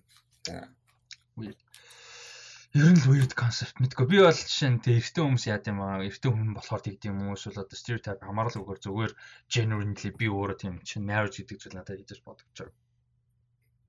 Тийм би бол marriage гэж бодлоос надад амар сонь санагдаад. Концепт нь концепт талаас шүү. Гэхдээ яг болохгүй гэж юм биш л дээ зүгээр. Концепт нь амар weird shit. I don't know. За. А тэрийг тэгээд ардаа орхия. Ямар ч Scenes from a Marriage 9 сард HBO дээр гарч эхлэх юм байна. Амар сонирхолтой харагдсан. Аа би бол уулна. Би HBO-гийн драма HBO-гийн драма на сайн байдсан шүү. Production хийц. Тэр Mayor from East Town ч одоо халлаас сая бүр Twitter-ыг эзэгнэлээ шүү. Аа ер нь нэлээд амар мундаг зураг болсон гэсэн Kate Winslet-ийн. Хойлооны трейлерыг ярьжсэн. Харин би нөгөө юу яг хөө амар залхуу ажил залхуу зүйлтэй. Тэгт ингээд нэг тийм яг юу үзэх юм мэдэхгүй болгонгод нөгөө стриминг дээр яг үзэх үзэх үзэх одоо үздэг ч юм уу нэг бол must see юмнууд юу байна гэдэг гуглчдаг. Тэрэн дээр ялчгүй тэгээд бүх юм дээр юу явж л Mayor of East Town East юу лээ East Town. Тийм East Town. Аа мэдгэсэн. За дараагийнх нь болохоор first look teaser гарсан байгаа. Teaser ч юм уу special look гэх юм уу те. Илүү жоохон project-тэй танилцуулсан маягийн трейлер гэхээсээ илүү. За тэр бол Star Wars Visions байгаа. За Star Wars Visions-ыг бол анх зарлагдж байхад бид нар ярьж ирсэн те. Нөгөө Disney Epic гэмээр зарласан шүү дээ. За энэ бол ингээд Японы аниме production компаниудтай хамтарч антологи зурвал хийнэ гэдээ ярьчихсан. Тэгээ энийг бол Star Wars-ын айгүй олон юм зарласан. Тэгээ тэр донд хаягдсан мөртлөө actually хамгийн гоё ID-нуудын нэг байсан. Visions бол Яг мэдээж нөгөө нэг Cassian Endor-ын цуврал мэдээж гоё Obi-Wan-ых гоё те юу гэдэг зөндөө олон юм зарласан л та дахиад юу гэж бол амар олон юм ба. Bad Batch одоо гараад эхэлсэн явж гин гэдэг ч юм уу. Гэхдээ Visions genuinely хамгийн гоё ID өнөдөх нэг байсан тэд нар дундаа. А гэхдээ хаягдцсан тий жоох мартагдсан. А тэгээ Vision-ийн Visions-ийн юу бол гарсан байна. А одоо анхны танилцуулга бол трейлер гэж яхаа жоохон буруу болох гэдэг. Танилцуулга бол гарсан байна. 9 сарын 22-нд юун дээр гарч эхэлх юм байна. А Disney Plus дээр яг бүх эпизод нь орох үгүй сайн мэдгүй. Гэхдээ ямар ч 9 сарын 22-ноос эхэлнэ гэсэн ID бол байгаа юм байна. За тэгээд энэ дээр бол танилцуулга нь явсан. А одоогийн байдлаар зарлагдаад байгаа 9 эпизод байгаа юм байна. 9 эпизод дээр 7 өөр production компани ажиллана. А за тэгээд тэрэн дээр нэмээд юу товчхон товчхон танилцуулаа явчих. За Studio Trigger гэж студ ойлгомжтой студио тий. Studio Trigger болохоор The Elder The Twins гэдэг нэртэй хоёр эпизодыг бол хийх юм байна. А тэгээд эднэр бол өмнө одоо хамгийн хүмүүсийн мэдэж болохоор юм бас миний мэдгүй хүмүүсийн мэддэг байж магадгүй. Гэтэ хамгийн хүмүүс мэдэж болохоор юм Cyberpunk Edge Runners-ыг хийж байгаа юм байна. Нөгөө Netflix дээр гарч байгаа Cyberpunk тоглоомтой шууд утгаараа холбоо шууд холбогдож байгаа юм аниме зурлыг хийж байгаа студи юм байна. Аа за тэгээ Kinema Citrus гэж студи The Village Bride гэдэг эпизодыг хийж байгаа юм байна. Аа Studio Colorido гэж студ болохоор Tatooine Rhapsody гэдэг нэртэй эпизодыг хийж байгаа. За эднэр бол яг одоо Netflix дээр Монголоос үзэх боломжтой болсон байгаа. Whisker Away гэж анимег бол бүрийн хэмжээний аниме хийсэн а тохо анимашнтай хамтарч хийсэн ийм аниме студио байна. За тэгээд Gino Studio гэж компани болохоор Lopen Ocho гэж анимашн хийж байгаа. Эпизодыг Science Saru гэж юу болохоор студ хоёр анимашн хийж байгаа. Нэг нь TOB1 гэж байгаа. Энэ дроидын тухай юм шиг байгаа. А тэгээ нөгөөх нь болохоор Акакири гэдэг нэртэй. Ийм хоёр эпизодыг бол Science Saru гэж одоо студ хийж байгаа маань. За энэ студийн хувьд бол Devilman Crybaby гэж хүмүүс нэлээд мэдэх байх. Аниме үздэг хүмүүс мэдэх байх. А энэ зурлыг бол хийжсэн студ байна. За тэгээд хүмүүсийн нэлээд мэдих одоо миний амиас мэдих энэ дундаас production IG the 9th Jedi гэдэг эпизодыг бол хийж байгаа юм байна. Production IG за production IG бол мэдээж амар олон жилийн түүхтэй баг 30 40 жилийн түүхтэй арай дэвшрэх байх 30 гаруй жилийн түүхтэй юм студ тэгээ миний нөгөө мэднэ гэдэг нь мэдээж Ghost in the Shell franchise-ийн бүх одоо цуурлууд standalone complex 1 2 дугаар анги бүгдийг хийжсэн. Ийм студио байгаа. За тэгээ хамгийн сүүлийнх нь болохоор Kamikaze Duga гэж студент. За энэ студ болохоор The Duel гэдэг нэртэй Duel гэдэг утгатай. The Duel гэдэг утгаар Let's do гэсэн шунаа юуги юуги сан юуги санаад. Тэгээ дүү а гэдэг эпизодор бол ажиллаж байгаа маань. А тэгээд энэ студ болохоор Datco-гийн хайртай э, Pretty much everyone hates Batman Ninja хийсэн. Тэгээд Batman ойлоо шүү. How? I liked it. It was good. Тэгээд Batman Ninja-гаас гадна JoJo's Bizarre Bizarre Adventures гэж байдаг. Тэрний opening-ыг хийдэг ийм компани байна. Тэр үзчихсэн үү? JoJo's Bizarre Adventures. Opening нь бол үзчихсэн тий. Opening нь фан уу? Opening дээр гоё. Ending нь ч нилээн юу юу iconic. Nice, nice. А за энэ ямар санагдав? Энэ project ямар санагдаж байна? Дүрслэл ямар санагдаж байна? Оо энэ бол бүр хайп хайп. Энэ бүр бүр ёо яагаад энийг мартсан байсан бэ? Бүр энийг үзчихээд бүр хоол шид ийм байл. Энэ бүр бүр тэс яд өгүүлээж байна. Тий, надаа бүр амар гой санагц. Тэгэд гол нь өөр өөр продакшн тий мэдээж Star Wars ч өөрөө Япон инфлюенстэй тий. Одоо Akira Kurosawa-гийн инфлюенс байгаа гэдэг ч юм уу. Тэнгүүт зөрүүлээд Star Wars Visions ингээд одоо Япончуудтай буцаад ирж байгаа ч юм шиг те нэг бодлын. Тэр нь бас айгүй гоё тэд яг миний бодлоор энэ бүр яг нэг тийм төгс комбинашн гэж би бодоод байна л да. Яг Star Wars-ын ертөнц бол заавал Luke Skywalker, Skywalker Generation баригдаад ах шаардлагагүй тий. Ямар амар том world вэ? Ямар амар сонирхолтой концепттэй хөгжүүлэх боломжтой юм бэлээ. Тэгэхэд энд бол яг Love Death and Robots гэдэг шиг яг аниме студиудад өгөөд тэ free тэ энэ ертөнцид дотор дуртайгаа хүснээ хийх гэдэг бол үнэхээр тасгаа тэгэл тэр одоо янз бүрийн эпизодуудын ингээл танилцуулаад э, товчхон товчхон ингээл яриад явж байгаа. Жишээ нь тийч ингээд нэг катана сэлэм байдаг тэ японочдод хэрэлдэг самурайчуудад хэрэлдэг ч юм ийм сэлэмний инфлюенсээс мэдээж анхандаа лайтсейберийг хийсэн тэ тэгсэн чинь одоо зөрүүлээ тэр лайтсейберийг аниме дээр авчираад япон юу ороод атмосфер оруулж байгаа жишээний байдаг ч юм уу тэ наацхан. Тэгээ ингээ харангуут бүр ингээд ёо oh бүр perfect this is like match made in heaven гэдэг одоо хиллэг байдаг штэ тий. Надад Star Wars anime энэ бол match made in match made in heaven. Тэгээ болвол би үзээгүй байна. 9 эпизодтай гэж байна. Би зүгээр нэг амар хүчаа бүх эпизод нэг дор гарах юм биш үү? Which is awesome. Аа. Oh nice nice. Тэр үед нөхөөлөөр юу гэж болох нь. Тэгээд юу бодож байгаа юм юу гэхээр season 2 гараасаа гэж бодож байна. Зүгээр шууд. Зүгээр ингээд өөр улам олон студиудад өгөөд тэг бүр ингээд fucking season 2 гараасаа гэж бодож байна. Яваасаа гэж бодож байна нөгөө хэдүүлээ яг хэдлээс шүү дээ. Ер нь гэхдээ нэлээд удаан Star Wars-ын талаар ярьж байгаа шүү дээ. Тэгээд угаасаа Star Wars-ыг илүү ертөнц нь одоохондоо ингээд жижигхэн хэмжээнд баригдаад байгаа. Тэрийг нь тэлэх тусамлаа амар гоё болно. Тэгэхээр яалчгүй зөвхөн бас аниме гэлдэхгүй бас анимашнууд одоо яг бад бач энэ төр гэдэг 3D бас байгаад байгаа. Тэгэхээр тэгхгүйгээр зүгээр ингээд илүү олон юм тал руугаа яваал ивэл илүү гоё болох байна. Ялтэлч үгүй чинь тэнэг том galaxy шүү дээ. Galaxy дотор юу л бол юу хийж болж байгаа байхгүй. Тэгээд ер нь одоо ингээл цаашаа илүү гоё болоод явал гоё болоо гэж бодож байна. Юг чи үдчихсэн үү? Генди Тартаковскигийн хийсэн Clone Wars-ыг үзчихсэн. Жохон байхад Cartoon Network-оор байн гардаг шүү дээ. Тэгэхээр яг тэрэн шиг байх хэрэгтэй байхгүй яг юм сонирхолтой creative-үүдэд free reign өгмөр байгаа байхгүй тий Star Wars үнэхээр галзуу байж болох байхгүй Тийм тэгээд нөгөө Генди Тартаковский хийсэн болохоор бас амар тийм юу амар санагдуултай. Аа Samurai Jack-ыг амар тийм юу юу feeling амар гэдэг шүү дээ. Яа. За дараагийнх нь а нэлээд хайптай байгаа гэж миний бодлоор би бодож байна хүмүүс дунд ерөнхийдөө.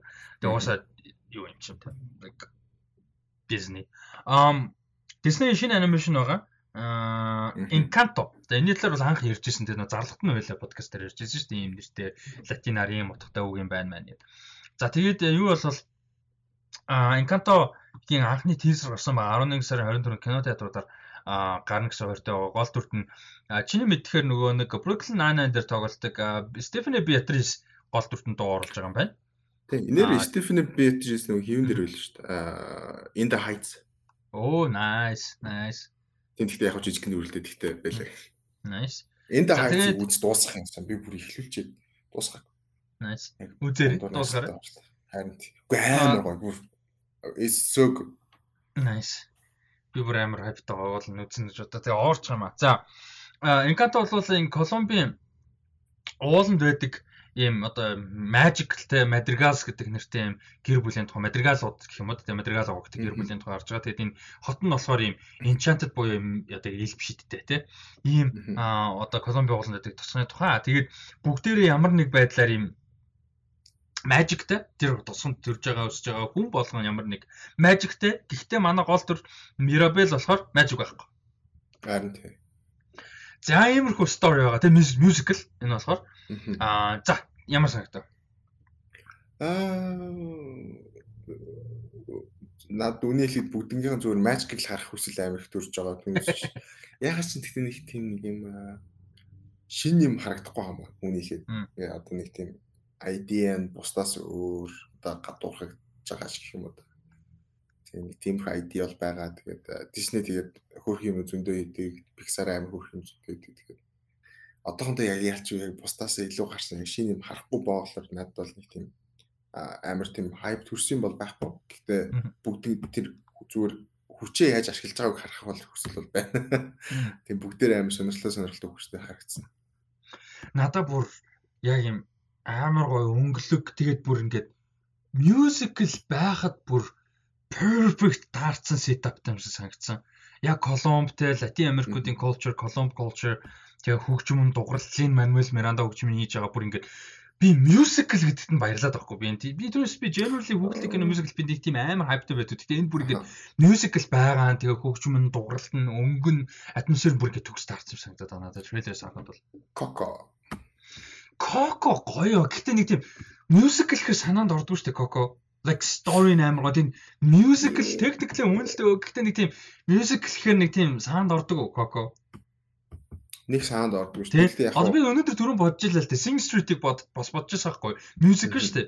Гэтэ бид нар Sing Street-ийг нэг тийм musical гэхээр амин дуруу санаанд ордог. La La Land Band ч юм уу те өөр юм санаанд ордог.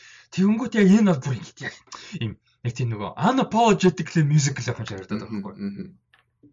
Нэр тийм бах те. Тийм.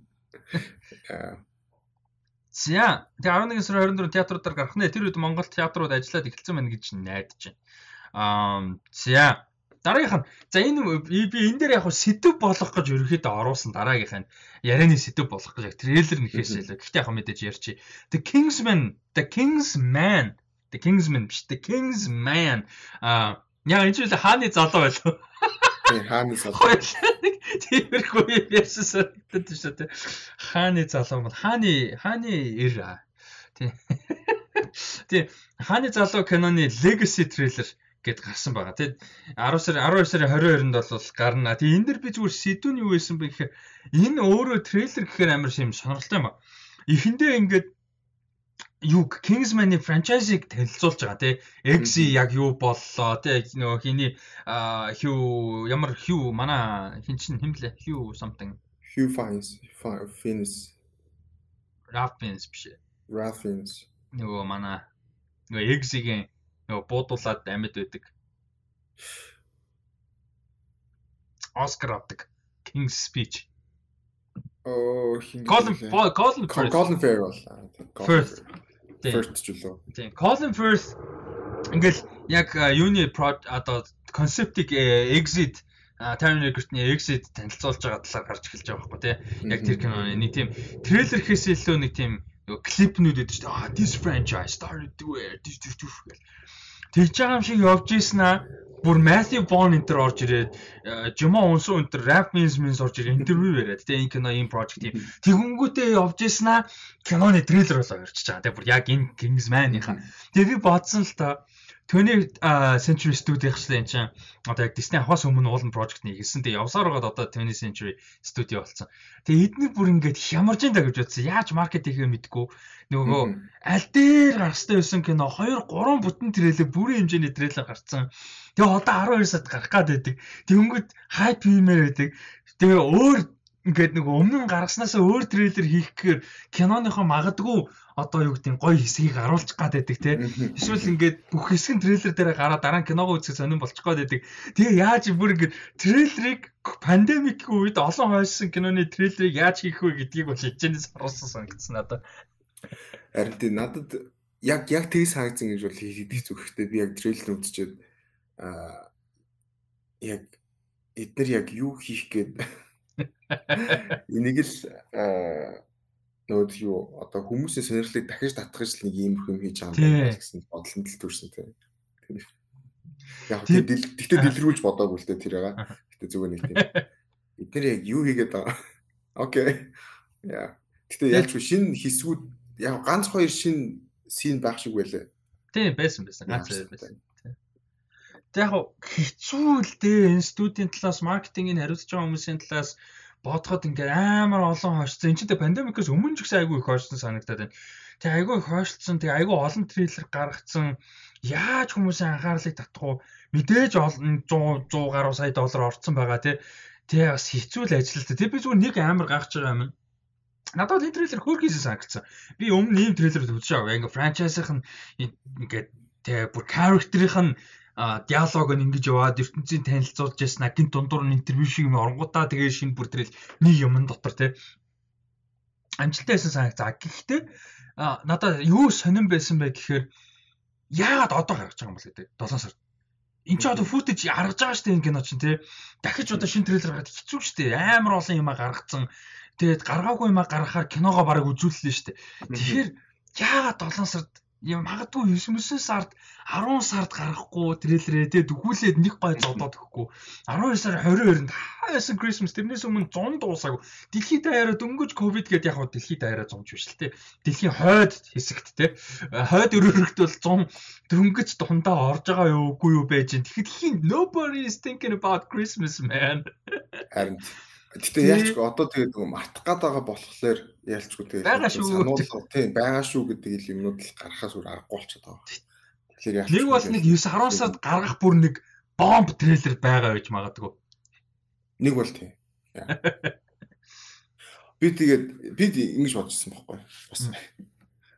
За энэ гэж яхаа Marvel Talks дээр ярих ч юм уу мэдгүй. Гэтэ ингэ нэг тийм аа нэг бол трейлер байхгүй чинь Spider-Man трейлер байхгүй. Тэгэхээр би нэг what if тэгээд э, Spider Spider-Man трейлерүүдийг юуныг Loki-гийн дараа гарах байх гэж бодож байсан. Тэсэн чинь арай what if гарцсан. Тэгэхээр maybe Spider-Man soon.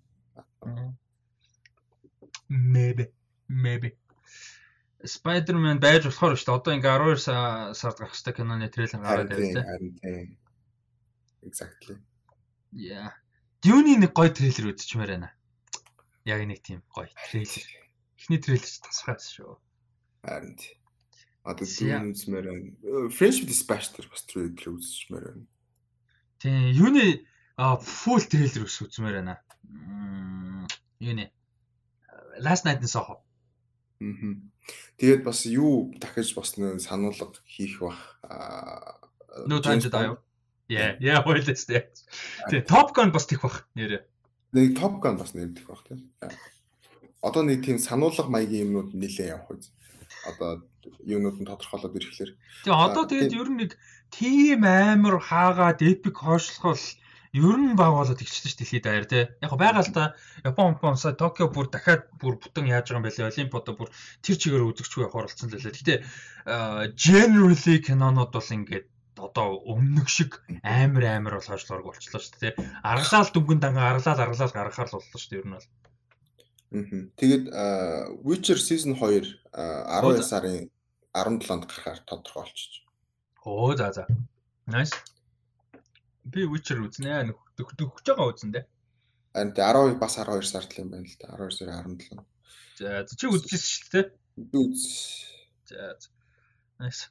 Тэр Witcher дээр чи хин каст маст болцсон нэлээ мэдээ явадлаа. Би нэг Witcher сайн мэдэхгүй болохоор season 2 нэг дайжуу жүжигчин season 2 дээр каст нэмэгдсэн юм яваадсан шүү дээ. Харин юу байлаа? Би бас санахгүй байна. Юу ч бол. Нэг дайжуу жүжигчин нэмэгдсэн жүжигчин нэмэгдсэн явж исэн юм аа. Хин байлаа дээ. Эмх жүжигчин эмхтэй байсан. Эмхтэй жүжигчин. Би харчаад окей interesting гэл нэг тэгсгээд бодоод өнгөрч бээсэн. Тэгсэн чинь аа Season 2-ын cast master-ын мэдээлэл юм байна. За whatever. Тэгээ ямар ч нэг жүжигч юм ихтэй нэмж байгаа харагдсан. Um за дараагийнх нь за дараагийнх нь гоё. Аа за дараагийнх нь болохоор 6 сарын 30-нд сайн Америкт театруудаар нээлттэй хийсэн A24-ийн кино байгаа. Zola гэдэг кино байгаа. За энэ киноны нэгдүгürt а трейлер нь бол галзуу. Юу ч гэсэн. Ярихад бол трейлер бол яг классик A24 трейлер тийм маш их сонирхлыг дадуулсан амар гоё хийцтэй unapologetic тийм яг энэ сэдв хөндөж байгаа юмаа гар бол өстой. Жигэн тулгаж гаргасан гоё трейлер. За тэгээд кастын хувьд бол яг хүмүүс мэдэх хүн байж магадгүй хэмээл Riley Keough А хин хоёул Coleman Domingo хоёр туслах дүрд байгаа. Хүмүүс мэдэх магадaltaй л хоёр нь тэр. А гол дүрд нь бол Taylor Page гээд жүшинд тогсон ба. За энэний story, за энэний story болохоор 2015 оны 10 сарын хэдэнд билээ. А Twitter дээр Twitter-ыг эзэгэнсэн нөгөө break the internet гэдэг шиг Twitter-ыг break хийсэн юм 148 билүүдээ tweet-ээс бүрдсэн юм thread байгаа. Одоо Twitter thread тийм. Аха. За энэс бол ерөнхийдөө босон үйлдэл явдлыг харуулж байгаа. За story-г нэхэд за team thread э, бол яасан. Гэсэн Isaiah King одоо Zola гэдэг нэрээр явдаг. Бүжигчин те erotic бүжигчин эмэгтэй. Юу stripper бүжигчин эмэгтэй а 19 та охин байсан тухайд 19 та эмэгтэйсэн тэгээд мань хүн болол твит хийсэн а тэгээд тэр твитийг дараа нь тэр бүр ингээ супер юм болоо. Тэр твит бүр амар од болоод тий бүр ингээ твиттер твиттер даяараа бүр ингээ супер юм болоод дэлхийн нийтээр анхаарал одоо нөгөө амар олон уран бүтээлчд хүртэл уншиж уншаад. Эва дөвөрнөө интер тэр үедээ уншснаа. Reply бичиж мичээд за. Амар тий Тэр бүр ингээ амар epic юм босныхын талаар Isaiah King-тэй хийсэн ярилцлагаар Rolling Stones амар том нийтлэл бичижсэн оруулж исэн. А Zola tells all the real story behind the greatest stripper saga ever tweeted гэдэг нэртэй нийтлэл. А тэгээ тэр нийтлэл дээр бол энэ эмэгтэй болон энэ эмэгтэйгийн тэр твит дээр юу өгүүлсэн те ямар үйл явдал өгүүлсэн талаар нь а бас тэр өгүүлсэн сторинд нь дунд нь байгаа хүмүүсээс бас ярьцлага авсан юм том нийтлэл бол орсон. За тэгээд энэ киног бол яг альбан ёсоор бол яг тэр нийтлэлийг одоо кино болгож байгаа гэж хэлж болно. Яг одоо official одоо материал гэх юм бол. За тэгээд энийг бол Яница Браво гэж хүн бол найруулсан. Тэгээд өнгөрсөн жилийн 20 оны Sundance кино наадмаар уул нээлттэй хийчихсэн. А гэхдээ нөгөө distribution бүтээгүй байсан. Тэгээд ковидос болоод дээрэс нь бас айгүй олон шалтгаанаар хойшсон. Тэгээд одоо бол A24 distribution хариуцаж хийж байгаа. Тэгээд 6 сарын 23-нд бол сайн Америкт нээлттэй хийцсэн юм байна. За тэгээд энэ бол үнэлгээ нэлээд өндөр авчаад байгаа юм киноога угаасаа наадмаар нээлттэй хийцэн дээрээс нь сайн нээлттэй хийцэн. А тэгээд story за Dadgo story-г нь үнсэн байгаа. Би 2 3 хоног өмнө яг оригинал tweet story гэн тэ. А За тэрний талаар нэг сэтгэлээ болцооч.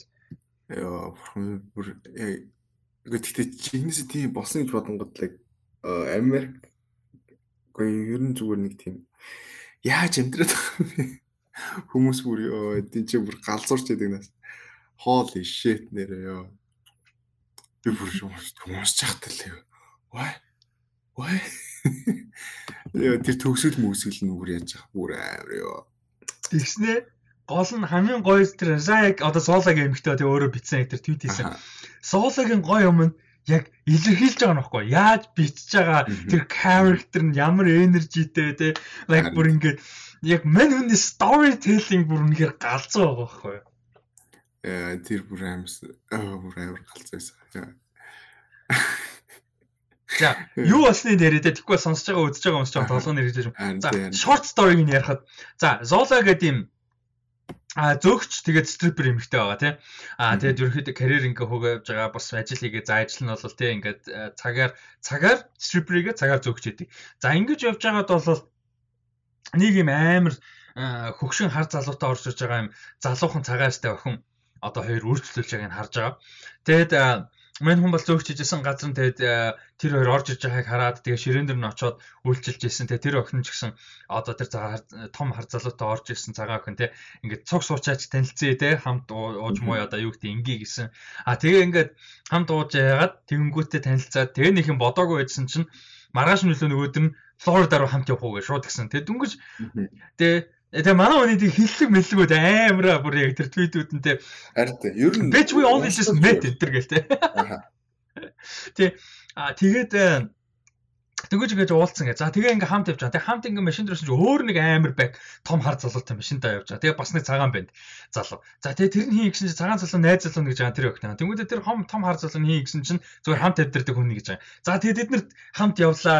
Амар Флоридад очлаа. Амар шит буудалд очлоо. Тэгээ шит буудалд очсон чинь нөгөө цагаан залууг энд үйлдэн зүгээр хідүүлээ бол ингэхгүй өнгөтэй архиж явангуудаа тэр гурав хамт амар гой буудалд ороод тэнгүүдээ what the fuck is going on гэдгийгсэн чинь тэр залуу пимпэн Тэгээ тэр охин бие үнэлж байгаа. Тэгээ ингээд аялч бие үнэлж явж байгаа. Тэгэж ингэж нөгөө явахгүй бол болдоггүй. Тэгээ нөгөө нэг газар байнга байхаар үйлчлж явуулж байгаа хүмүүс мэддэг болчихдаг.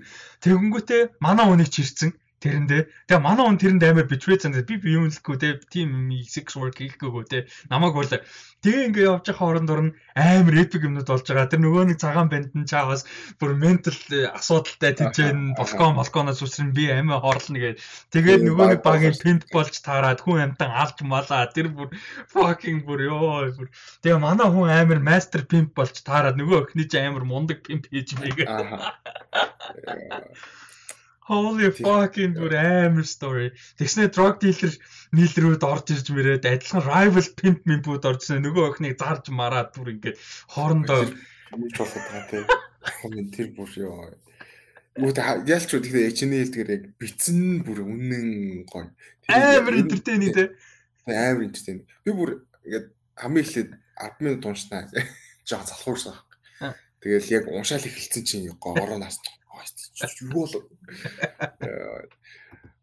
яа тэр хүмүүс угаасаа нэг уншаад эхэлчих юм бол яг дуусчих юм билээ уншаа уншаарай гэж хэлбэр Яа бүр солиот тэгээд description YouTube-ийн description бусад ер нь платформуудын description дээр нь оруулсан байгаа шүү. Original Twitter thread гэдэг бас энэ киноны трейлерт оруулсан. Тэгээд энэ кинон ер нь бас нэлээд одоо does the story justice тэ нэлээд сайн хийсэн юм шиг Аа байгаа. Гэтэ мэдээж байгаа story энэ Rolling Stones-ийн нийтлэлээр бас энэ амар гоё тэр нөгөө tweet storm-ыг бас нэлээд хөрсөнд буулгасан л байлаа л дээ. Ямар зүйл нь худлаа байсан те бас хэтрүүлэг байсан. А бас ямар зүйлүүд тэр өөр өөр энэ story дээр гарч байгаа хүмүүс боддоор ямар өөр өнцгтэй байгаа. Зарим юмыг өөр өөрөөр яриад байгаа те. Яг юу нүн нь мэддэггүй гэдэг ч юм уу. А бас зүйлүүд бол байгаа да тэр нийтлэлийг бас шүү сонирхолтой. Тэгээ Юу яадаг л амар гоё байсан. Нөгөө нэг хамгийн алдартай quote-уудынх нь нэг That nigga lost in the sauce and that bitch lost in the game гэдэг бүр holy fuck. Би бүр яг тэрийг фотоск мотоск юмн дээр бүр хөвлмээр санагдав бүр holy fuck бүр. Йоо.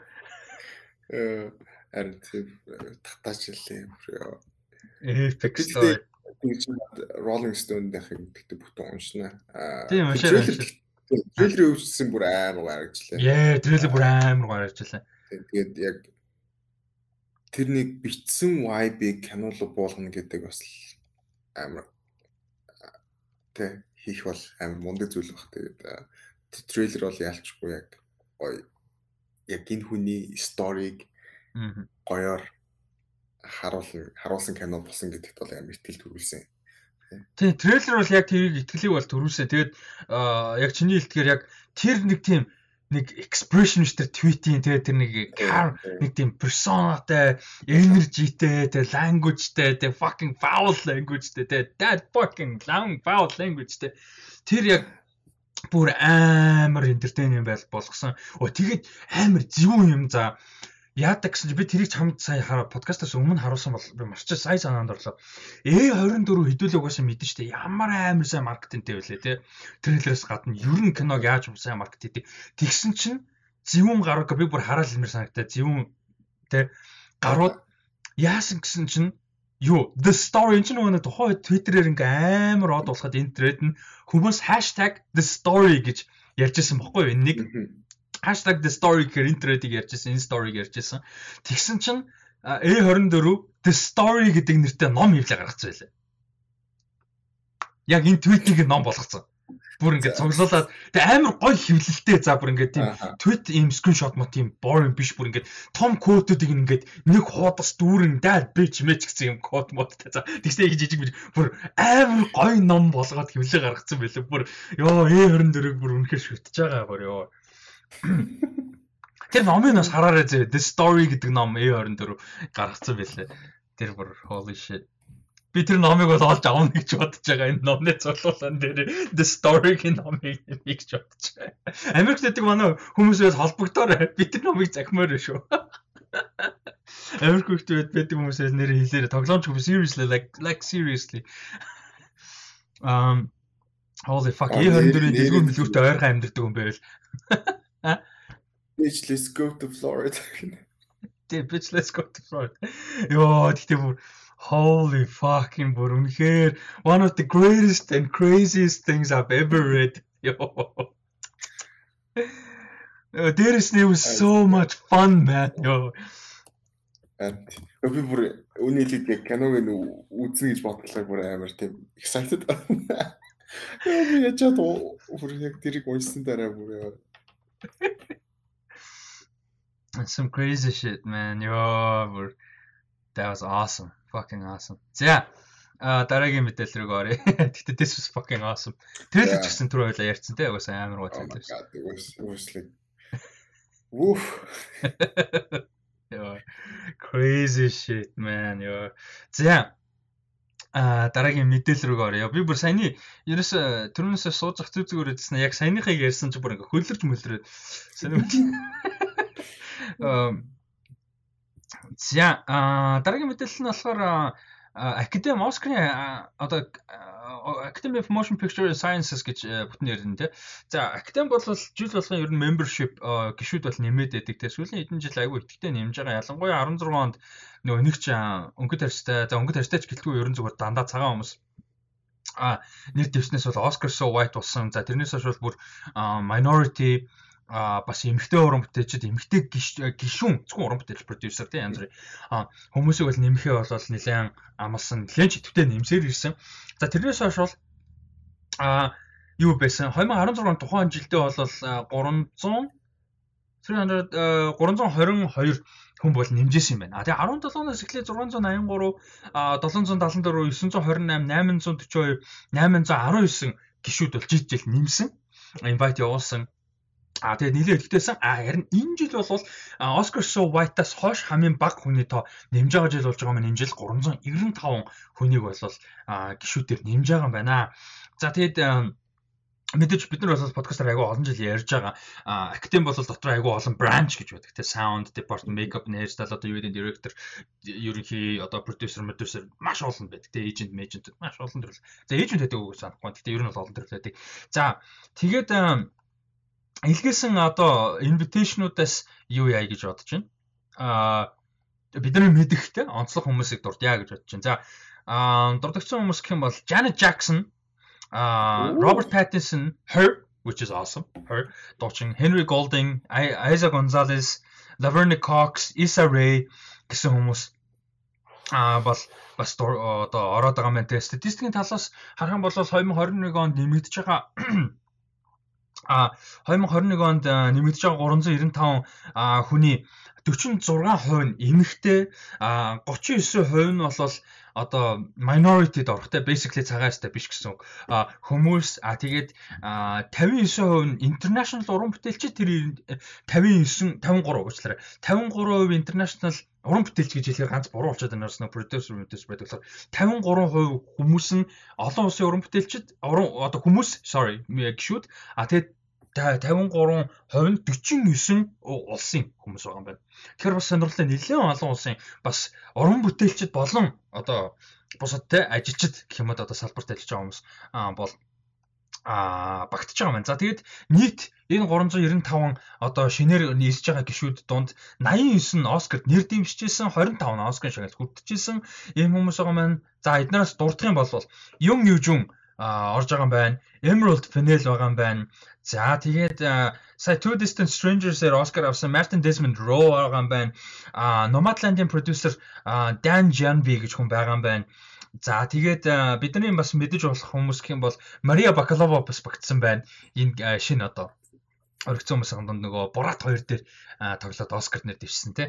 Аа тэгээ Jean Baptiste, Andra Day, Vanessa Kirby, Christina Oh Kemp Powers, Paul Racy, Steven Young гэсэн хүмүүс бас багтсан байгаа юм байна. А тэгээд 8 хүн олон одоо бранчуудад багтаж байгаа юм байна одоо олон төрлүүдэнтэй одоо зохиолч найруулагч юм уу одоо жүжигчин найруулагч юу гэдэг янз бүр. За тэднэрдээс дурдах юм бол Leslie Odom Jr. мэдээж нь дуучин гэдэг утгаараа дуу зохиолч гэдэг утгаараа мэдээж жүжигчин гэдэг утгаараа Lee Isaac Chung мэдээж найруулагч зохиолч гэдэг утгаараа продюсер гэдэг утгаараа Shaka King бас мэдээж зохиолч продюсер найруулагч гэдэг утгаараа бүгд төрөлдөн. А тэгээ The Father киноны зохиолч найруулагч Florian Zeller бас найруулагч зохиолчдын бранчуудад нь бол давхар а орж байгаа юм байна. За иймэрхүү юу бол байна. Гой мэдээлэл бол байна. За тэгээд саяны сая дурддагтаагүй зарим нэг хүмүүсийг нэрлэе гэж бодоод байна л да бас онцлоод. За хин байна. Яя Абдул Матен the second бас багтж байгаа маань which is awesome. Um хин байна. Kingsley Ben Adir байна. Сая One Night in Miami кинон дээр Malcolm X-ийн дүр тоглосон. Үнэхээр гоё байсан. Malcolm юг One Night in Miami кино please please please хүмүүс үзээр үнэхээр галзуу кино байсан. Мань хүн ч гэсэн гоё байсан. За Carrie Coon байгаа юм байна нөгөө Proxima Midnight-д тоглолтоор нь хүмүүс мэдэх байх. Avengers кинонуудад Jonathan Majors and the Five Bloods а юу чиний үздэг чинь? Юу? Jonathan Majors-ийн Lovecraft Country. Аа Lovecraft Country-гийн гол дүр тогсон Last Black Man San Francisco тогсон Kang the Conqueror аа тоглож байгаа жүжигчин. Оо тэгээ гэдээс гэдээс Wagner Moura. Манай Pablo Escobar. Narcos-ийн. Яа, бас байгаа юм байна. Тэгэхээр Бразил хүн байгаа юм байна шүү дээ. За жүжигчдийн бүрэлдэхүүнд бол иймэрхүү хүмүүс жишээ нь байна. Тийм тэгээд нөгөө Paul Rassin тэр гэхэлэр тэгээ бас нөгөө handicap биш нь. Одоо hearing impaired те. Тийм хүмүүс бас байгаа юм сайн бойл. Тэгээд жүжигчдээс гадна кастинг директорууд багтдаг зураглаачид багтдаг, костюм дизайнерууд багтдаг, найруулагч, баримтат киноны уран бүтээлчид, executive-ууд багтдаг. Одоо юуны дарга нар гэсэн үг а студиудын дарга нар за одоо чинь энэ ч дурдах юм бол Walt Disney компани CEO Bob Chapek энэ жил нэгдэж байгаа юм байна. А David Ellison нэгдэж байгаа юм байна. David Ellison Skydance Entertainment-ийн захирал Larry Ellison Oracle-ийн Larry Ellison-ийг багтж байгаа юм байна. Бас нэлээд мундаг хүмүүс энэ жил бол нэлээд орж байгаа юм. Фильм эвлүүлэгчд багтдаг. Одоо Black Panther эвлүүлэгч байна, Palm Springs-ийн эвлүүлэгч байна. а The Father-ийн эвлүүлэгч байна, Sinister-ийн эвлүүлэгч байна, Minari-гийн эвлүүлэгч, Minari киноны эвлүүлэгч байна, ийм хүмүүс багтсан байна. Makeup and hairstyle department байдаг, marketing and public relations гэж байдаг. Би тийм учраас нөгөө зөвхөн уран бүтээлч гэж ярихгүй нөгөө нэг одоо гişүүд нэмэгдсэн гэж ярих гээд байгаа. Тэр marketing, public relations, PR-ыг хариуцсан хүмүүсийн гişүүд байдаг. А уран одоо хөгжим талыг нь хариуцсан. Одоо энэ дээр бол а Жон Балтист нэмэгдсэн байна, Хойр нэмэгдсэн байна, Лесли Одом Жуниор нэмэгдсэн байна. Түрүүн ярьжсэн энэ хоёрыг гурвыг а продюсерүүд байдаг, production designer-ууд байдаг, short film and feature animation гэж байдаг, sound-ыг хариуцсан хүмүүс байна, visual effect хариуцсан хүмүүс, writer буюу одоо кино зохиолчд байна. А тэгэд members at large буюу одоо энгийн одоо general те гишүүн гэж ордог. За ийм олон төрлийн юунд бол байдаг аа гişүүд бол багтдаг академид ийм бранчууд дотроо байдаг аа. За ийм нэг мэдээ бол байна. За энэ бол цэвэр мэдээд. Энэ дээр нэмж хасах зүйл байгаа юу? Байхгүй. Тэгтээ амар гоё хүмүүс байна. Аа тий. Diversity, diverse ер нь гоё гоё хүмүүс байна шүү. John Baptist her байгаад бас амар. Аа. Бас Kraus нэг үү. Яа харин тий. Тэгээ юм юу юм мөн бас Paul Rassi Massive имиж орж бас гоё тий. Харин. Тэгээд бас маркетинг байдаг гэдгийг бол мэддэг юм байна. Аа. Тийм executives бол obviously баг. Гэхдээ маркетинг байдаг гэдэг бол юм. Аа. Which is nice те. Киноны тэрийг хариуцж байгаа хүмүүс бас актем саналаа өгдөг, Оскар саналаа өгдөг, оролцдог. Бас нь ч нөө бранчууд нь тусдаа хурлаа хийдэг, уулздаг те. Аа санал бодлоо солилцдог. Тэгэхээр бас гоё байгаа хгүй. Мм харин тийм. Монголд нэг ийм системтэй болж байгаа юм да. Сая тэгээ киноны хуул батлагдсан. Гэхдээ тэр нь тэгэл Аа мэдгүй тэгэл мөнгө л ярьсан юм байна те ихэнх. Аа за тэгтээ жоохон ч гэсэн хуулийн эрхцэн бас орчинтой болж байгаа нэг юмд одоо яатаж. Аа за А дараагийн мэдээлэл болохоор бидний хайртай та бидний хайртай Demon Chisel Demon Chisel-ийн дараагийн уран бүтээл бол Babylon гэж киного. А Hollywood-ийн Golden Age-ийн үеийг харуулж байгаа. Яг silent киноны үе дуусаад яг цокис гэж нэрлэдэг нөгөө нэг дуу хоолой бичих чадвартай болсон тий дуу хоолойтой яриатай диалогтой кинонод гарч эхэлж байгаа яг тэр 1920-ад он яг тэр том шилжилт явж байгаа Golden Era-г харуулж байгаа Холливуудын тухай ийм киноога Babylon гэдэг. За энэ киноны кастинг бол шин мэдээл байна. За гол дүрүүд нь бол Margot Robbie, Brad Pitt хоёр тоглоно гэдэг бол аль дээр зарлагдсан байсан. Энэний дараа бид нэр ярьж ирсэн. За өнөөдөр нэмж ирж байгаа гой мэдээлэх юм бол за Olivia Wilde нэмэгдсэн байна. Spike Jonze нэмэгдсэн байна. Which is awesome. Spike Jonze ч мундаг найруулагчтэй. Хаяа да нэг жүжигчний хуваар прожектуудад ордог. Энэ дээр бол орж байгаа юм байна. За тэгээд Wolf of Wall Street-тэй Spike Jonze. О тийм. Оо, cool, cool, cool, cool. Nice. Аа тэгээ Phoebe Tonkin гэж энд CW-гийн The Originals гэдэг сурлаар алдартай юм байна. Энэ жүжигч орж ирж байна. Аа тэгээ бидний сайн мэдих Tobey Maguire. За Tobey Maguire бол 2014 онд Pawn Sacrifice киноноос хойш дэлгэцийн уран бүтээл яг одоо бодит зургийн авалт уран бүтээлд бол ерөөсөй оролцоогүй юм байлаа. Ерөөсөй байхгүйсэн 14-оос хойш. Нэг яаж мэдэх вэ? Spider-Man 3 дээр гарч юм байлаа. Who knows? Аа тэгээд ямар ч үсэн Babylon дээр бол байгаа юм байна. Аа тэгээд дээрэс нь нэмж дурдах хүмүүс гэх юм бол Flea байгаа. Which is weird. Red Hot Chili Peppers-ийн бас гитарчин Flea. Yeah, гэтээ нэг weird. Um сонирхолтой. сонирхолтой кастинг. А тэгээд Eric Roberts амар сонирхолтой гэдэг. Тэгээд яг 20-д оны тэрүнд яг нэг тийм гангстер багийн дүр мөр байж магадгүй тий. Нэг тийм студийн захирлын баруун гармаар тий зохицуулдаг баг тий. Болохоор Тий болохоор. царай нь бол болохоор Тэгээд Eric Roberts манай Emma Roberts-ийн аав нь Julia Roberts-ийн ах нь баг шүү тий. Би амдраг бол а тий Eric Roberts нь гоё жүжигчин. А тэгээд Samara Weaving which is I'm so happy. Би өөрөө Samara Weaving-ийг бүр ингээ карьер нь ингээд яг нөгөө нэг өмнө подкаст дээр нэг ярьсан дээ. Ингээд карьер нь гоё яваасаа гэж бодож байгаа хүмүүс юу вэ? Яг Samara Weaving яг байгаа байхгүй. Бүр she's so awesome man. Холливуд дээр амар гоёсэн. Холливуд яг so and so зураг гэхдээ хин бүр амар гоёсэн Samara Weaving жижиг э, туслагтай. харин тийм. Аа тэгээд хүмүүс хинтээ адилхан Марго Роберттэй адилхан ихлэ надад сонь санагдаж. Надад амар өөр харагдав. Амар weird. Яг зураг ингээ харах юм бол а тусдаа кинонуудыг үзсэн хүмүүс бодоход ерөөсөө адилхан биш. Шал өөр. Гэхдээ зарим нэг киноны зарим нэгний трейлер дээр амар адилхан. Бүр what юу вэ гэж бодохоор тэр нөгөө нэг Марго Робби сүүлд нэг кинонд тоглолцсон байсан юм а. Цуралж үлээ нэг трейлер гарсан шүү дээ. Аа подкастаар ярьж чадаагүй байхаа би подкастаар яриаггүй санагдаад байна. Зааж гараа би Guess Wiki дэтгий. Нэг юм байсан юм.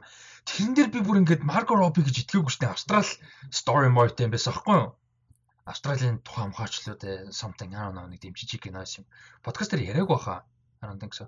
Аа а Babylon биш. Цуврал байсан болоо Dolphins. Shit, чи би жигнэсээ андуурсан бол Summer юм байсан бол. Нэг бол тийм байж магадгүй.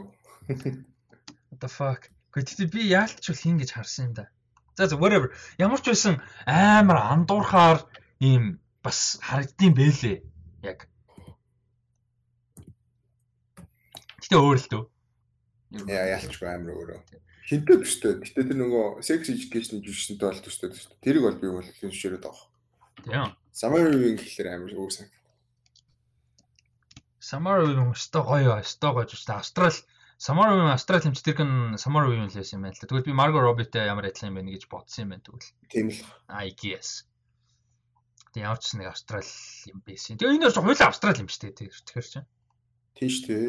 Тэ. Хоёулаа Австрал. Өө Weaving чинь тэ Nine Perfect Strangers дээр байгаа юм шүү дээ. Нөгөө хинтээ Nicole Kidman-тэй weirdest shit санаж гинөө. Трейлерын ярьсан шүү дээ.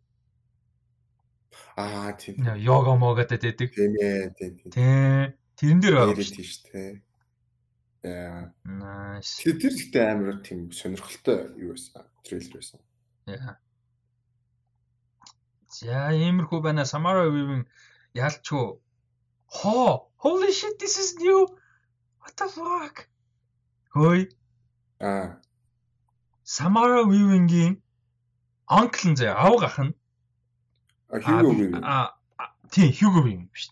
Тийм шүү дээ. What the fuck би одоо мэдчихсэн. I didn't know. What the fuck? You you didn't know? No. Oh damn. Тийм шүү дээ. Наад чинь бүр амар тийм old news. What the fuck man? Аавынхан дүү юм биш тий. Ээ тийм. Тэр нөгөө би юг үзчихэд ах аа shit тэр чи юу лээ дээ. Ready or not? Оо. Шээ биш биш. Тэрнээс өмнө юун тоглосон? Netflix-ийн нэг жижигхэн анги кино тоглосон. Аа тий нөгөө нэг babysitters ч үлээ юу ч лээ. Тийм тийм тийм тийм тийм. Нэг нэг юм байд юм а тий тий. Тийм тийм. Би тэрийг үзчихсэн бохгүй. Тэгээд Аа. аа, тэрийг үзчихэд би тэгээд "Оо, ямар царайлаг юм бэ гэж боддог гуглчихсан юм шиг. Тэгээд Hugo Weaving-ийн нөгөө юу аа nephew гэдэг нь мэдсэн байхгүй. Тэгээд Нийс үү? Нийс аа тийм нийс. А тийм нийс эмэгтэйч нийс гэж. Мм. Нийс вэ гэдэг юм үдэдлэг. Oh shit гэж бодчихсон. Э, Тийм байна. Whoa, what the fuck? Makes sense. Соёлын Австрал нэр нь Weaving but come on man. Нүд нь адилхан тий одоо харахаар. Аа, Тийм харангууд амар төстэй харагдаж байгаа шүү дээ. Тийм байна, тийм байна. Яг мэдсэний дараа харахаар ялангуяа нүд нь байлаар адилхан юм байна. Окей. За гиснэс. За нэг хүмүүс өрсөлдөлчтэй. Аа а хин гиснэс Марго биш sorry. Samara Weaving гиснэс Samara Weaving а Chevalier de Saint-Georges гэдэг нэртэй кинонд тоглохоор болж байгаа юм байна. Гол хоёр дүрийн нэг. За киноны бол яг үндсэн гол дүр бол Kelvin Harrison Jr. тоглоно. За Chevalier de Saint-Georges гэдэг нь хэн байсан бэ гэхээр Black Mozart гэж болоод ярьдаг хүмүүстэй нэрлдэг. А ийм одоо симфони оркестр зохиолч а удирдаач хөгжим зохиолч хийлч ийм мундаг юм genius хүн бол байсан юм байна. 1700 оны дунд сүүлд амьдарч исэн Францын революшны үед бас амьдарч исэн юм байдаг. А тэгээд энэ бол а юу одоо юу халимлцтай том гэх юм уу да тий. А тэгэд аав нь бол Гваделуп одоо одоо бол Гваделупг аваасаа тэгээд Гваделупийн одоо колон колонд бол ажиллаж амьдарч исэн юм одоо баян хүн бол байсан юм байна. Цагаарчтай хүн, слейвтэй те одоо боолуудтай. А тэгээд мань бол энэ тэгээд яг нэг тухайн үеийн юм амар дарк. Гэхдээ юу нь бол одоо энэ Chevalier de Saint-George-ийн ээж нь бол тэр одоо тэр нөгөө нэг одоо хүн байгаа штэ боол молтой тэр нөгөө анги ажиллаж исэн а за Жорж де Болон гэж хүн байсан байна. Тэр Жоржийн эхнэрийнх нь боол нэмэгтэй байсан юм байна. Жорж өөрийнх нь эхнэрийнх нь боол эмэгтэйтэй одоо гаргасан эмэгтэйгээс төрсөн хүүхэд нь бол мань хүн байсан юм байна. Тэгэхээр Тий, тэгээ энэ бол нэг тийм нууц шүү дээ. Ер нь боолууд боолол амар их абьюз төртдөг байсан, тэгээ хүчрхийл төртдөг байсан. Тэр байтгай юм зөндөө байдаг байсан. Тэгээ харамслаа энэ бол ийм хүн байсан юм байна. Тэгээд мань хүн болол тэгж төрсөн. А гэхдээ аав нь бол ээжд нь болон өөрт нь бол айгүй сайн хандж исэн. А тэгээд мань хүнийг бол Франц руу авч яваад боловсрол эзэмшүүлээд бүр дээд боловсрол хүртэл эзэмшүүлээд те урлагт урлагт ингээд сонирхолтой болох хамгийн том спортод болоод бас дэмжижсэн юм байна. Аав нь бол а тэгээ өөрөө бол урлагаар ингээд явж исэн юм. Мундаг амар лежендэр юм хүн бол байдгийн байна. А юу гэж Жозеф Болон Chevalier de Saint George гэж нэртэй хүн бол байд юм байна. Тийм. Аа би бүр анх удаа л ийм хүн байсныг мэдчихэв.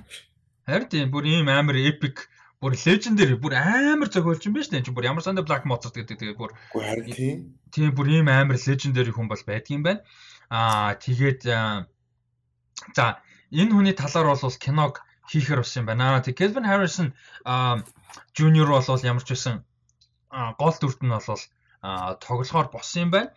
За мань хүн бол 12 Years Slave, Ender's Game, Sult Loose Энэ төр гээд нэлээд инди бас мундаг нэлээд өндөр үнэлгээнүүд аваад исэн кинонуудад бол бас тогсон сая Trial of the Chicago 7 дээр Fred Hampton-ы дүр тогсон анзаарсан бол хальт гардаг. Халтгаан гардаг дүр байгаа. Тэгээ ер нь бол нэлээд итгэвтэй явж байгаа мундаг карьер нь явж байгаа юм жүжигчин залуухан юм залуу байгаа. Тэгээд Мань бол гол дүрдэн тоглоно. А тэгээд хэн болохоор Samara Weaving болохоор Парист амьдардаг одоо юм уйдгартай marriage-д ингээд тогтцсон тэ тэр үед ялангуяа юм ингээд юм нөгөө юу яатсан байл шүү дээ. Төрүүлээд тогтцсон нэг marriage-уд байдаг шүү дээ. Соно marriage. Тийм marriage-д ингээд гаццсан. Тэгээд ийм дуучин болохыг опера дуучин болохыг хүсэлтэй юм юм залуу эмэгтэйгийн тухай дүр юм байна. Аа тэгээд хиний одоо Сен Жоржийн аа одоо операд нь тий гол дуучин оперын дуучин болохыг одоо зорж байгаа тухай ийм хоёр хүний сториг харуулсан юм байна. Энэ кино бол ерөнхийдөө. За нэг ийм сонирхолтой project бол байна. Энэ амар сонирхолтой project байна. Тэгээд гэсэн жүжигчд гэхээс илүү яг энэ нэг бодит байсан хүн ямар сони те. Яа яа бүр амар weird story яваа дээ те. Тэгээд хамгийн гол нь энэ хүний талаар сонсож байгаагүй гэхлээргүй нэг бол зүгээр яг тэр ертөнцийн рүү орж байгаагүй болохоор мэдэхгүй л ахал та.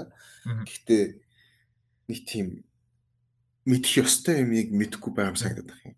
Тий, тий. Тэгэхээр яг энэ уран бүтээл ингэж хийж байгаа нь бас гоё байгаа хгүй тий. Бид та одоо эн чинь ингээд яг ийм зүйл байсан, ийм юм болж исэн, ийм мундаг хүн байсан гэж үл ярьдаг. Тэгээ одоо энэ Chevalier de Saint-Georges-ыг бол юу гэж ярьдсан бэ?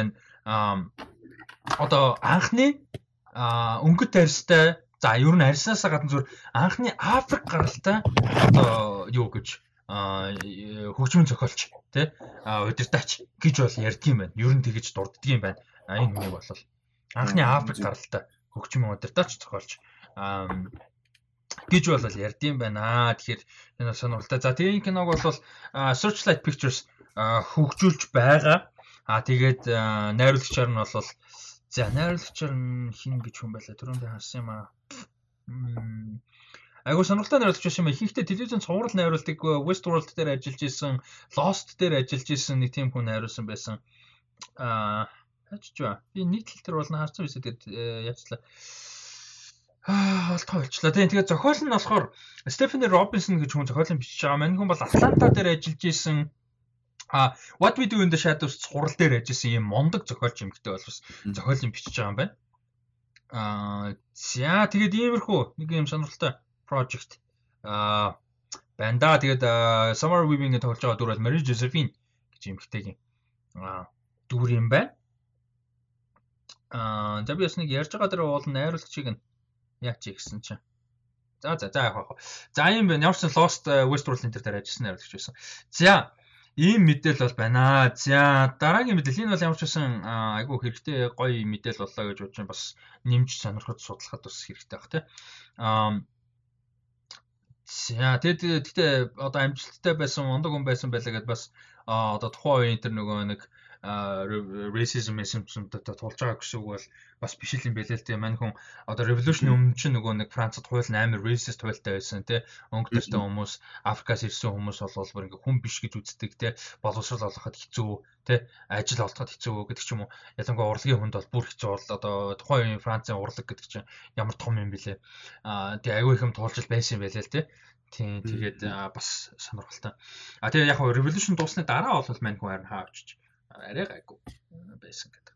Аа за А дараагийн юу мэдээллийг товчхон ярилцъя гэж бодож байна. За Reese Witherspoon бол бид нар жүжигчнэр мэднэ Оскар авч исэн багтай баг нэр дэвшсэн ямар ч авч баг авч исэн баха. Аа тэр Reese Witherspoon-ыг мундаг гэдэг мэднэ. Гэхдээ манайсын бас нэг нэг яриад идэг юм хэвэл манайх амар зөвүүн зөв одоо бизнес woman тий бизнес эмэгтэй.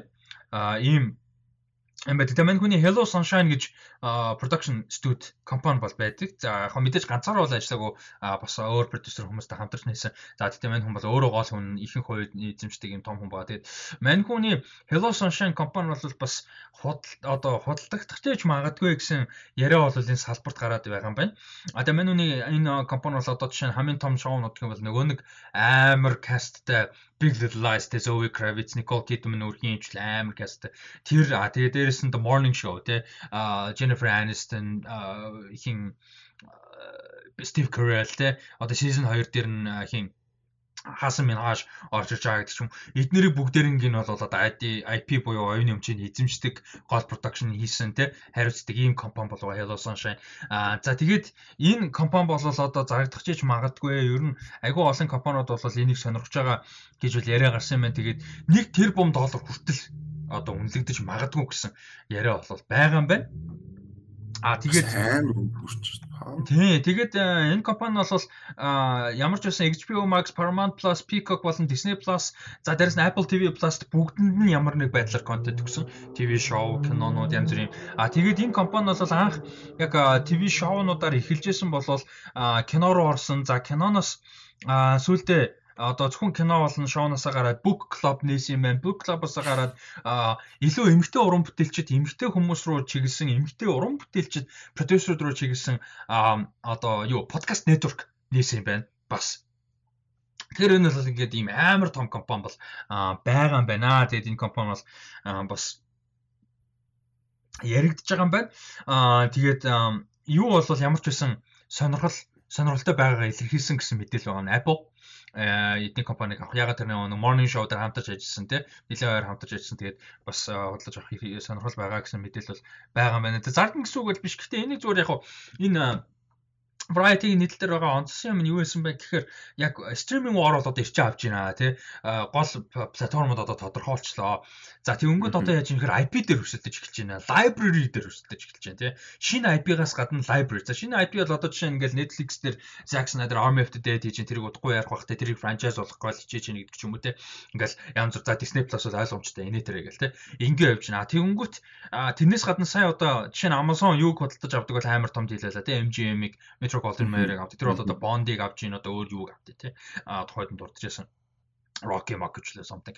А тэгэнгүүт одоо энэ ингээд ийм амар мундаг өндөр үнэлгээтэй цуврал кинонууд те ийм олон юмтай одоо компаниг бол авах боломж бол бас байгаа юм байна гэсэн юм яригдж байгаа юм байна. За тэгээ энэ хэрвээ магадгүй зарагдаад инх юм бол одоо Reese Witherspoon одоо бараг л угаасаа мань хүн мултай 100 миллионер байлгүй дээ. Тэр. Харин тийм л илүү дээ. Угаасаа нэг 100 200 сая долларын хөрөнгөтэй хүн байлгүй дээ. Reese Witherspoon амар биш дээ. Reese Witherspoon.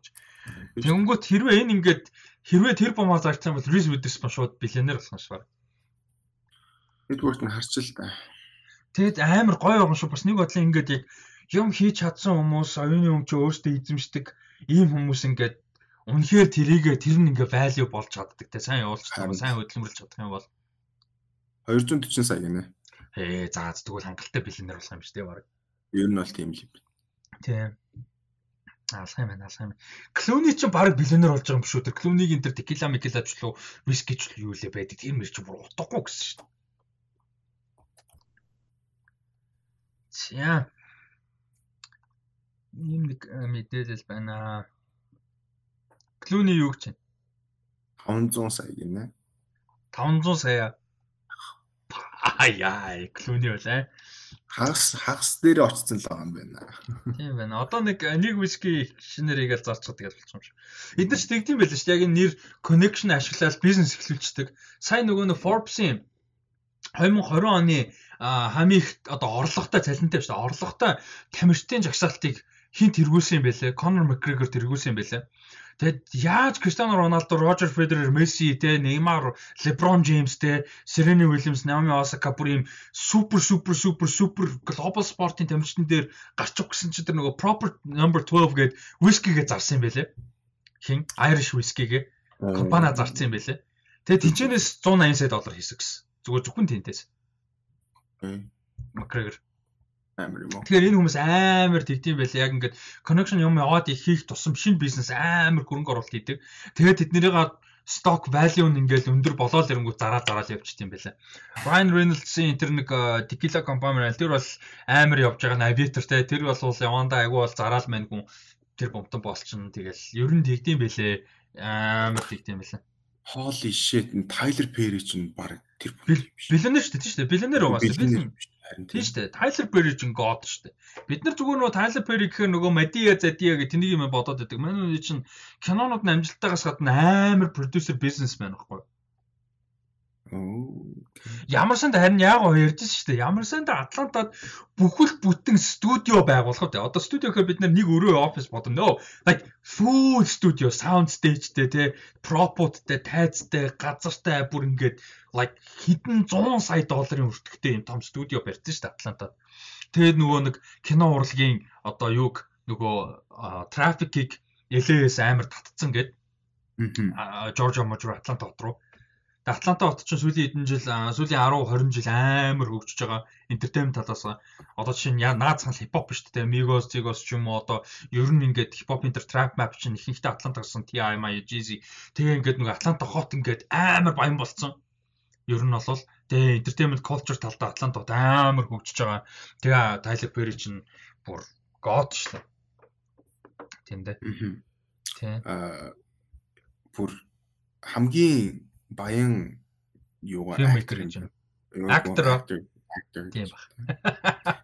Фильммейкер гэх нөгөө Джеймс Камерон, Стивен Спилберг мэрэг нөхдөд дээгүүр байгаа л та. Харин тэгээд Том Круз энэ тэр 600 сая. Мел Гибсон, Адам Сэндлер энэ тэр бас амар, Jack Nicholson гэсэн. Адам Сэндлер амар ухуу тэр угаасаа ичгүй мөнгөний мэддэг хүн. Тэгээд тэр нэг итгэж үжиж юм байна. Аа Шах Руухан наач бүр амар алдартай гэсэн. 690 сая доллар доллар. Амар баян юм. Гэхдээ энэ Тайлер Перри бол утахгүй байна. Тэр бомт гэж байна. Гэхдээ наад чинь жоохон unfair л дээ. Яг мэдээж надад ч бүгдээрээ л амар давхар бизнестэй байж мөнгө хийж байгаа. Гэхдээ яг ингээд орлогоотынх нь ингээ percentage юм харах юм бол Tyler Perry яг жүжигчин гэдэг утгаасаа илүүгээр яг нөгөө producer дээрээс нь businessman гэдэг утгаараа хөрөнгө оруулалт хийдэг мэдэг яг тэрүүгээр байгаа ихэнх орлого. Яг надад ч бүгдээрээ тийм байгаа. Гэтэ жишээ нь Adam Sandler чи Netflix-тэй өглөө 200 сая долларын гэрэмэрээ илүү 150 сая ч лөө те нийтэн жилийн өмнө 4 5 киноны гэрэмэрээгээд тиймэрхүү маягаар мөнгө олсон юм бол арай их байгаа нөгөө хэд нь. Тэгэж бодох юм бол Tyler Perry яг жүжигчний утгаараа жоохон арай багалах Тийм багталтай ялцчих байна. Forbes Forbes нөгөө юуны billionaires index гэж байдаг. Bloomberg би Bloomberg нөгөө 3 сарын хямдралтай байхаар нь subscribe хийсэн байхгүй хямдралтайгаар. Тэгээд тэгсэн чинь billionaires index гэж байдаг. Өдөр болго апдейт хийгдчихэд. За тэрийг нь ороо хараад бүр ингээд мэддэг хүн байна л харж байгаа шүү дээ. Тэгээд хар ямар муухай олон биллионер байд юм бэ дэлхийд чинь 2200 300 байдаг. Тийм үү харахаар бүр гутарж байгаа юм чи what the fuck ийм хүмүүс ингээд 100 сая доллар яадаг ямар их хүлээ. Тэгэхээр биллионер хүмүүс юм хөө гэж бодохоор гэл. Аа fuck гэл.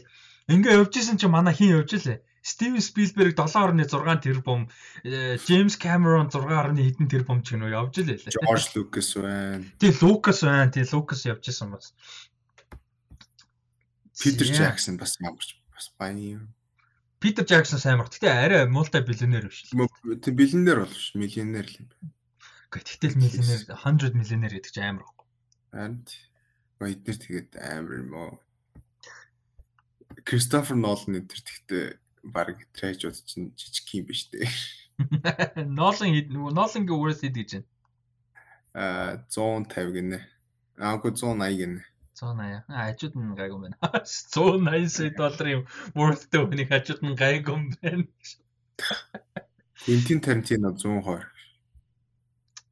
Тарантино нэрээр тэр Vista гээд элээд байдаг амар алдартай кино театрыг авсан бэл ш нэрээ. Аа. Тэгээ тэр нөгөө Netflix нөгөө тэр чинь Ryan Johnson, Ryan Johnson ч одоо бас банжиж байгаа юм. Оо тэгэж нөгөө Knives Out те. Тий. 425 сая доллар гэрээрээс те. Тэгээ ганцхан Ryan Johnson ганцаараа 250 сая долларыг хийнэ гэж ярьлаа. Хойлоо юу гэхлээр ярьсан шүү дээ. Тий, тий. Тийм тэр нэрээ. Crazy. Yeah. Баян юм уу? George Lucas хамгийн баян юм байна гэдэг энэ тунд. Тийм баху. Star Wars дээ ялтчихв. Аа. Star Wars. Тэгэл Spielberg, тэгэл James Cameron гэл явж өгөх юм байна. Тийм амар мундаг мөртлөө ядуу гэж лист байхгүй. Тийм лист одоохонд бол хайгаагүй. За дараагийн мэдээлэл рүү орох уу? За тэгье. За дараагийн мэдээлэл миний хувьд бол амар позитив гой санагдаж байгаа мэдээлэл байгаа. Аа За энэ болохоор Zack Snyder-ын дараагийн уран бүтээл Army of the Dead-ийн араас дараагийн уран бүтээл нь Rebel Moon гэдэг нэртэй уран бүтээл science fiction adventure epic кино бол Netflix дээр хийгдгээр болж байгаа нь хөрөнгө оруулалтыг хийгээд дээрэс нь distribution obviously хийгдэн. А тэгээ кино нь бол өөрөө зохиолыг хамтарч бичээд найруулагчаар нь ажиллана. Кино нь бол Akira Kurosawa болон Star Wars-аас одоо үлгэр жишээ авсан тийм influence авсан ийм уран бүтээл бол а байх юм байна. Тэгээд киноныхон зохиолчид одоо Zack Snyder-тай хамтарч очиж хоёр хүн нь нэг нь болохоор Shay Hatton гэж хүн байгаа. За маань хүн бол Army of the Dead киноны зохиолыг хамтарч бичсэн. А тэгээд Kurt Kurt Johnstad гэж хүн за маань хүн бол 300 киног хинтэй хамтарч. Аа Zack Snyder-тай хамтарч утсан. Ер нь бол өмнө хоёулаа одоо хамтарч ажиллаж байсан хоёр хүнтэйгээ хамтарч бичиж байгаа а ийм юу юм байл байгаа юм байна. Project бол байгаа юм. Тэгээ гол юм нь болохоор яг анхаарал татчихсан гол юм нь нэмж анхаарал татсан гэвэл илүү зүгээр та. А юм нь юу вэ гэхээр Rebel Moon-ийн үндсэн idea мэдээж одоо final developer нь шүү дээ. Зүгээр ихний анхны үндсэн концепт нь бол 10 гаруй 10 гаруй жилийн өмнө одоо юунд Lucasfilm компанид бол санал тавьж исэн Star Wars-ийн universe одоо тий ийм үйл явдалтай ийм зохиолтой Star Wars-ийн universe ийм кино хийвэл гэж Lucasfilm-д бол санал тавьж исэн юм киноны ID юм байна. А тэгээд тэрнээс удалгүй бол Walt Disney компани худалдаж авсан Lucasfilm-ыг а тэгээд тэрнээс хойш бол нэг яг энэ яригдаагүй те дахиж яригдаагүй. За тэгээ одоо бол энэ project өөрчлөлт мэдээж тодорхой хэмжээнд Star Wars universe биш те ойлгомжтой. А тэгээд бас нэлээ нэлээ өөрчлөгдөх үү те. Ийм бол болгож байгаа юм байна. Тэгээ энийг бол бүр franchise starter гэж найдаж байгаа гэж байна. Одоо Zack Snyder чи ерөөсөө зүгээр э, Netflix дээр очил нэг юм хийгээл franchise, нэг юм хийгээл franchise гэж явчих юм шүү. Харин баг тийм шүү. Тэ. Armored Dead чинь тэр prequel-ийн зураг мөр гарсан байл шүү дээ. Нөгөө герман герман хэлтэй нөгөө дүрийнх нь prequel-ийн талаар зураг мөр гараад эхэлсэн байл шүү. Тэ. Тэгээд аниме хийж байгаа. Биш анимашн хийж байгаа гэсэн. Тэгээд тэр тэгээд тэр чинь бүр цуврал франчайз болоо гэлээ. Одоо энийг бол бас франчайз болно гэж найдаж эхлүүлж байгаа а гэсэн юм ярьж исэн. Өөрөө бол ярьсан юм байна. А тэгээд наркосын үндсэн одоо шоураннер те продюсер Эрик Ньюман энэ project-ээр продюсераар нь ажиллаж байгаа маань ерөнхий продюсераар нь. За маань хүн бол Dawn of the Dead дээр ажиллаж исэн Children of Men, Power, Project Power, Bright, Spiderhead гэтэргээ project-уудаар продюсер ажилласан Эрик Ньюман угаасаа Narcos хийсэн гэхээр сайн мэдж байгаа. А ийм project байгаа юм байна. За тэгээд Иймэрхүү том мэдээлэл бол байна. Тэгэд энэ нэг бид нар ингээ подкастаар гэж сонсож байгаа үздэг хүмүүс маань амар сайн мэддэг болж байгаа. Юу гэхээр бид нар ингээ тусдаа студиуд, тусдаа одоо компаниуд одоо Marvel DC гэдэг ч юм уу те Warner Bros, Disney одоо юу гэдэг амар олон ингээл том юм яриад Тэнгүүд бид нарт амар томоор тусдаа ингээл хоорондоо халалцсан юм шиг төсөөлөд идэв. Тэгээ харангуут яг эсэм дээр амар олон хүмүүс shared байдаг те. Нэгэнд нь ажиллаж байсан хүн нөгөөдг дээр нь ажиллаж яадаг те. Нэг project дээр нь ажилласан хүн дараагийнх дээр нэрээ тэр хүнээ буцаад татдаг ч юм уу. Ийм юм амар их байдаг. Одоо өмнө нэрчтэй Amblin Studio те. Amblin Productions гэх entertainment төлөө нөгөө компани Steve Spielberg-ийн тэгэхэд тэр компани жишээ нь Universal Pictures-ийн студио лот дээр ажилладаг те. Байдаг ч юм уу. Иймэрхүү юм бол айгүй их байдаг те би ягаа энийг дурдсан бэ гэхээр тэгэхээр одоо энэ дээр а юу яаж байгаа а одоо гол хариуцаж ажиллаж байгаа хүн бол Scott Stuber гэж хүн байгаа. За Scott Stuber бол Netflix-ийн талын хүн. А тэгээ Netflix-ийн талын Scott Stuber бол Army of the Dead franchise-ыг одоо кино те кино болоодо цаашлаад франчайзыг бол юун дээр авчирхад а сая Netflix-т авчирхад бол хамгийн том оролцоотой байсан хүн. За яагаад энэ хүн энд оролцоотой байсан юм бэ гэдэг сонирхолтой. Тэгэд яасан бэ гэхээр нэгдүгээр оролцоотойсэн хоёрдугаар өмнө нь Dawn of the Dead гэж ремейк кино Zack Snyder карьерийнхаа их үед хийжсэн. А тэр киног тухайн үед нь Universal Pictures хийж гаргасан, дэмжсэн. А тэр үед нь Universal Pictures одоо дэмжиж гаргаж байхад нь Vice Chairman нь байсан Scott Stuber Universal Pictures. Тэгэд Zack Snyder карьерын дөнгөж эхэлж байгаа залуу фильммейкер байхад амар дэмжиж өгч Dawn of the Dead киног нь хийлэхэд маш том хувь нь оруулж исэн. Одоо Netflix дээр ирсэн Army of the Dead-ийг авчирхад амар том хувь нэмэр оруулж байгаа. Дээрэс нь Rebel of Rebel Moon Project-ийг бас авчирч байгаа. Ийм юм байна. Тэр нь бол ингээд амар олон жилийн бизнес харилцаа, креатив харилцаа байдаг. Тэ олон студиуд дамждаг. Энэ бол ингээд Холливуд гэдэг яг юм нэг юм нэг юм бабл байгаа байхгүй яг яалтчгүй.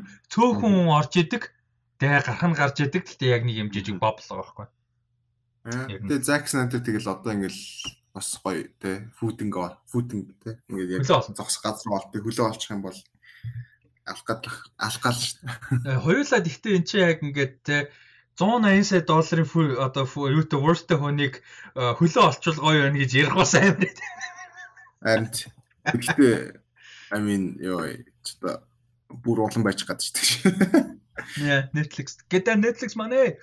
Um за тэгээ Rebel Moon бол дараагийнх нь кино байна. А 22 оны ихэр production эхлэн гэсэн зорилготой байгаа юм байна. За тэгэхээр бас яг уран бүтээл талаас бол хэдүүлээ энэ оны 22 оны ихэр production эхлэн гэхээр энэ оны одоо сүлд те багтаад энэ ондоо багтаад ер нь бол энэ киноны талаар нэлээд мэдээлэл сонсгоно шүү дээ. Кастинг одоо өөр юу гэдэг project-ийн талаар сонирхолтой мэдээлэлүүд бол нэлээд сонсгоно байна. За. За энэ үрээд үндсэн мэдээлэл бол дуусж байгаа. Тэгээд э, одоо юу юу ярих вэ гэхээр хэдүүл а юу яри? А цөөн хэдэн асуулт байгаа дахиад. А инстаграм дээр ирсэн цөөн хэдэн асуулт байгаа. За тэгээд тэрийг яриад юу гаяа? Өнөөдрийн подкаст өндөрлөё. За тэгээд анийг асуултыг гаргаж ирж хоорондоор датко өнөөдрийн сэдвүүдээс за трейлерүүдээс аль нь хамгийн таалагдав, хамгийн сонирхолтой байна, мэдээллүүдээс аль нь бас яг сонирхол хөдөлгөв те? Анхааралтай дуу трейлерүүдээс гэх юм бол бүр яг сонирхолтой гэх юм бол юу байна? Star Wars Visions бол хамгийн сонирхолтой гэх юм уу? Exciting хамгийн хайптай. Agree. Тэр тал дээр бол ялчгүй Star Wars байгаа. Гэхдээ яг үзье бүр яг амар зорж бүр ингээд зорж үзье гэх юм бол Val баг тгий санагдсан. Yeah. Val-ыг бол би бол шууд үзэх байх баг. Тэр тал үнэхээр гоё харагдчихлээ. Харамсалтай нь Prime Video юм байна. Гэхдээ яаж чад үзэн дээ. Тэгээ надад Prime байгаа хэтэрхээ юм болоо. Тэгээд юу мэдээлэл бол угаасаа ойлгомжтой тэгээд зоолоо бах. Аа би яаж яах нэг Twitter-ийг уншаад орж ирсэн болохоор бүр амар солид санагдаад Jack Canon-гийн трейлер харсан чинь яасан ч гоё бас хийсэн тэгээд тэр бол ялчгүй гоё байна. Тэгээ хүмүүс бол заавчгүй юуг нь уншаар л гэж хэлмээр байна. Аа Twitter thread нөө. Тийм Twitter thread-ийг уншаад бас тэр нөгөө Rolling Stone-ын уншааг байгаа хэрэгтэй уншина. Аа тэгээд бас тэрийг нь уншаад бас хоорондоо ярилцсан цаашаа гэхдээ л инээлдэх гэх юм уу.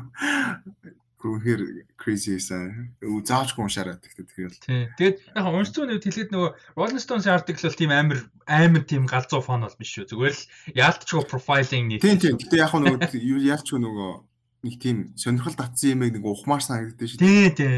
Тэр яалчгүй яг нөгөө тэрийг уншууд илүү сонирхолтой байж магадгүй. Тий, тий. Яа, тэр нэр өстэй гоё нөгөө түр ярьсан нөгөө перспектив нэмжил байлаа л те.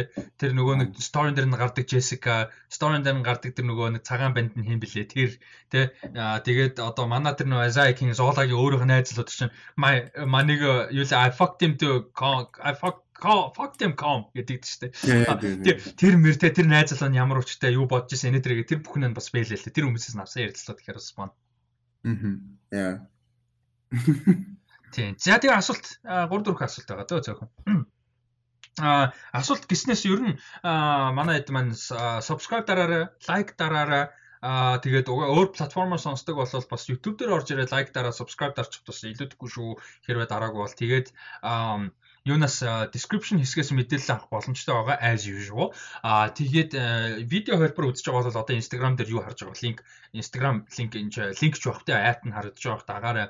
Аа тэгээд дээрэс нь нэмээд мэдээж donation нэлгээж бид нарт support их бүрэн боломжтой болцсон шүү. Тэгээд donation нэлгээгээр donation мэдээлэл бол description хэсэг дээр байгаа шүү. Тэр нэлгээгээрч явахтай тэр бол мэдээж option тий. Та бүхний сэтгэлийн тийм байгаа шүү. Тийм учраас бас description хэсгийг хараарай гэж хэлээ. Тэгээд бас нэг мэдээлэл өгöd хэрвээ donation явуулж байгаа болвол яг энийг үзээд тий donation явуулж байгаа болвол гүйлгээний утга дээр хэрвээ болвол бас гүйлгээний утгын тайлбарыг бас уншаарай гэж хэлмээр байна. RTP буюу TP RTP RTP 125 Rusty Talks podcast 125 гэсэн RTP гэж бичээрэй. Тэгжээж нөө яг энэ подкасттай холбоотойгоор тий donation гэдгийг clear болгоно шүү. Тэгэхээр тэр бас чухал шүү. За тэгээ сүүлчийн асуултуудаа яриад подкаст өнөөдөртөө дуусгая тий. За Rusty за дараагийн асуулт эхний асуулт sorry. Rick and Morty season 5 episode 3-ын талаар сэтгэл аа тий тэрийг нэр яг юу гэж бодож исэн. Аа подкастер эпизод болгондоо юу нэг яриад явъя гэж бодчихсон мартсан шүү дээ. And Morty. Эпизод хийдэ. 3 үзсэн үү? Би үзсэн үү? Би үзсэн юу вэ? Was fine. 3 юуны тухайн. Аа нөгөө planetarium билүү? Planetarium нэг ногоон охин төмөн үү? Тий.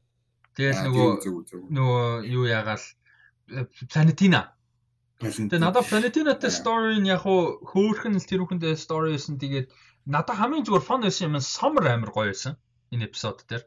Аа тийм тэгээд гэтээ overall надад нэг амар гоё санагдаагүй. Зүгээр Summer жоохон fun байсан амар баярлсан. Тэр нөгөө Dico-тэй анги бүтэлт надад амар гоё байсан. Аа тэр was that was fun тий.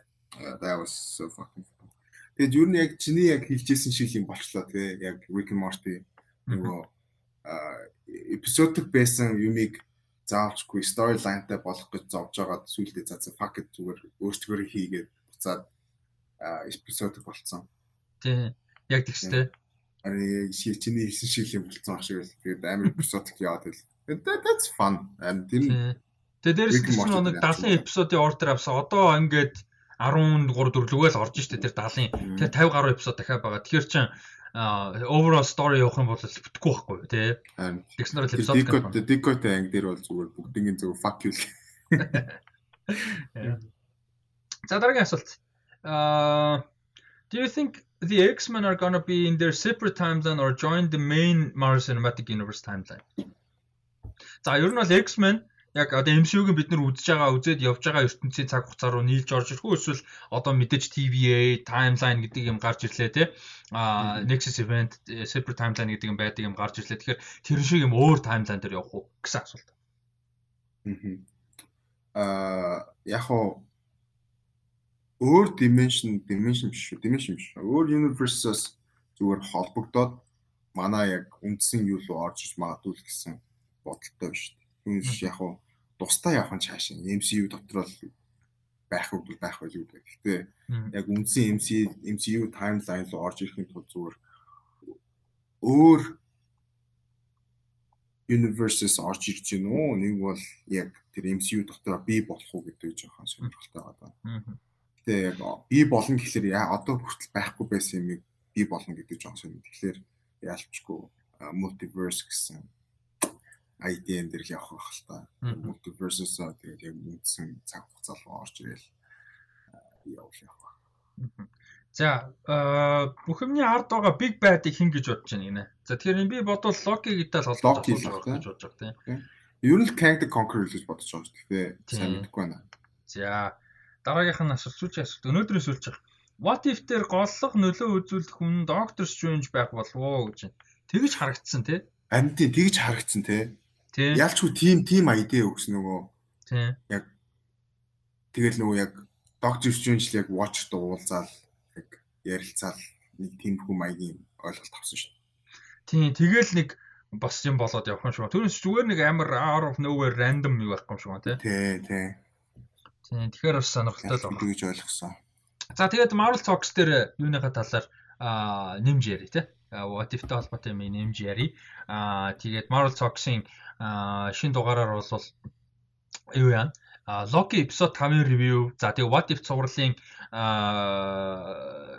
трейлерийн талаар сэтгэлдлээ. Тэгээ дээрээс нь Black Widow одоо юу ревю үүдийн талаар шүү. Яг киноны ревю биш. Битээр зүгээр ревю үүдийн талаар сэтгэлээ болцсон аа. Тэгээд Black Widow-ийн ревю тусдаа Marvel Talks-ын тусдаа эпизод гэх юм уу да. Орноо Black Widow-ийн талаар яагаад тэгээ бид тээр одоо бол үзэж амжаагүй байна. Аа тэгээ одоо энэ чинь сүрслэлээ шууд Marvel Talks-ыг бичих гэж байна. Тэгээд хамт байсан бүгдд нь баярлалаа. Аа Rusty Talks podcast-ийн 125 дахь дугаар байлаа. 25 I think 25 тийм yes. 25 дахь дугаар а байла хаант байсан бүгдэнд баярлалаа. Тэгээд тусалчдын жижигээрээ тэгээд лайк дараарай, subscribe дараарай, сэтгэлээ сайхан хуваалцаарай. Подкастын сэдвээр сэтгэвтэй оролцоорой. Асуултуудаа итгэвтэй, итгэвтэй, итгэвтэй, итгэвтэй оруулаарай. Зарим нэг дугаардаа асуулт зөөхөн байгаад байгаа. Зарим дээр амар гоо асуулт их байдаг. Өнөөдөр бол бас хаа очиж цөөхөн асуулттай дугаар боллоо. Тэгээд дараагийн 7 хоногт зөндөө олон асуулт сонирхолтой байна гэж найдаж байна. Аа тэгээд дээрэс нь нэг гоё юм хэлгээд бүтээсэн өдөр болгон Sunday Night Live маань яваад эхэлсэн байгаа шүү. Тэгээд Rusty Media сувг дээр хонхоо хасаагаараа бас subscribe дарахаас гадна тэгээд Sunday Night Live үзэж байгаарэ. Гоё мэдээллүүдээ бас давхар яриа явж байгаа шүү. За тэгээд дараагийнхаа юугаар подкастаар уулзгаа баяр та. Cheese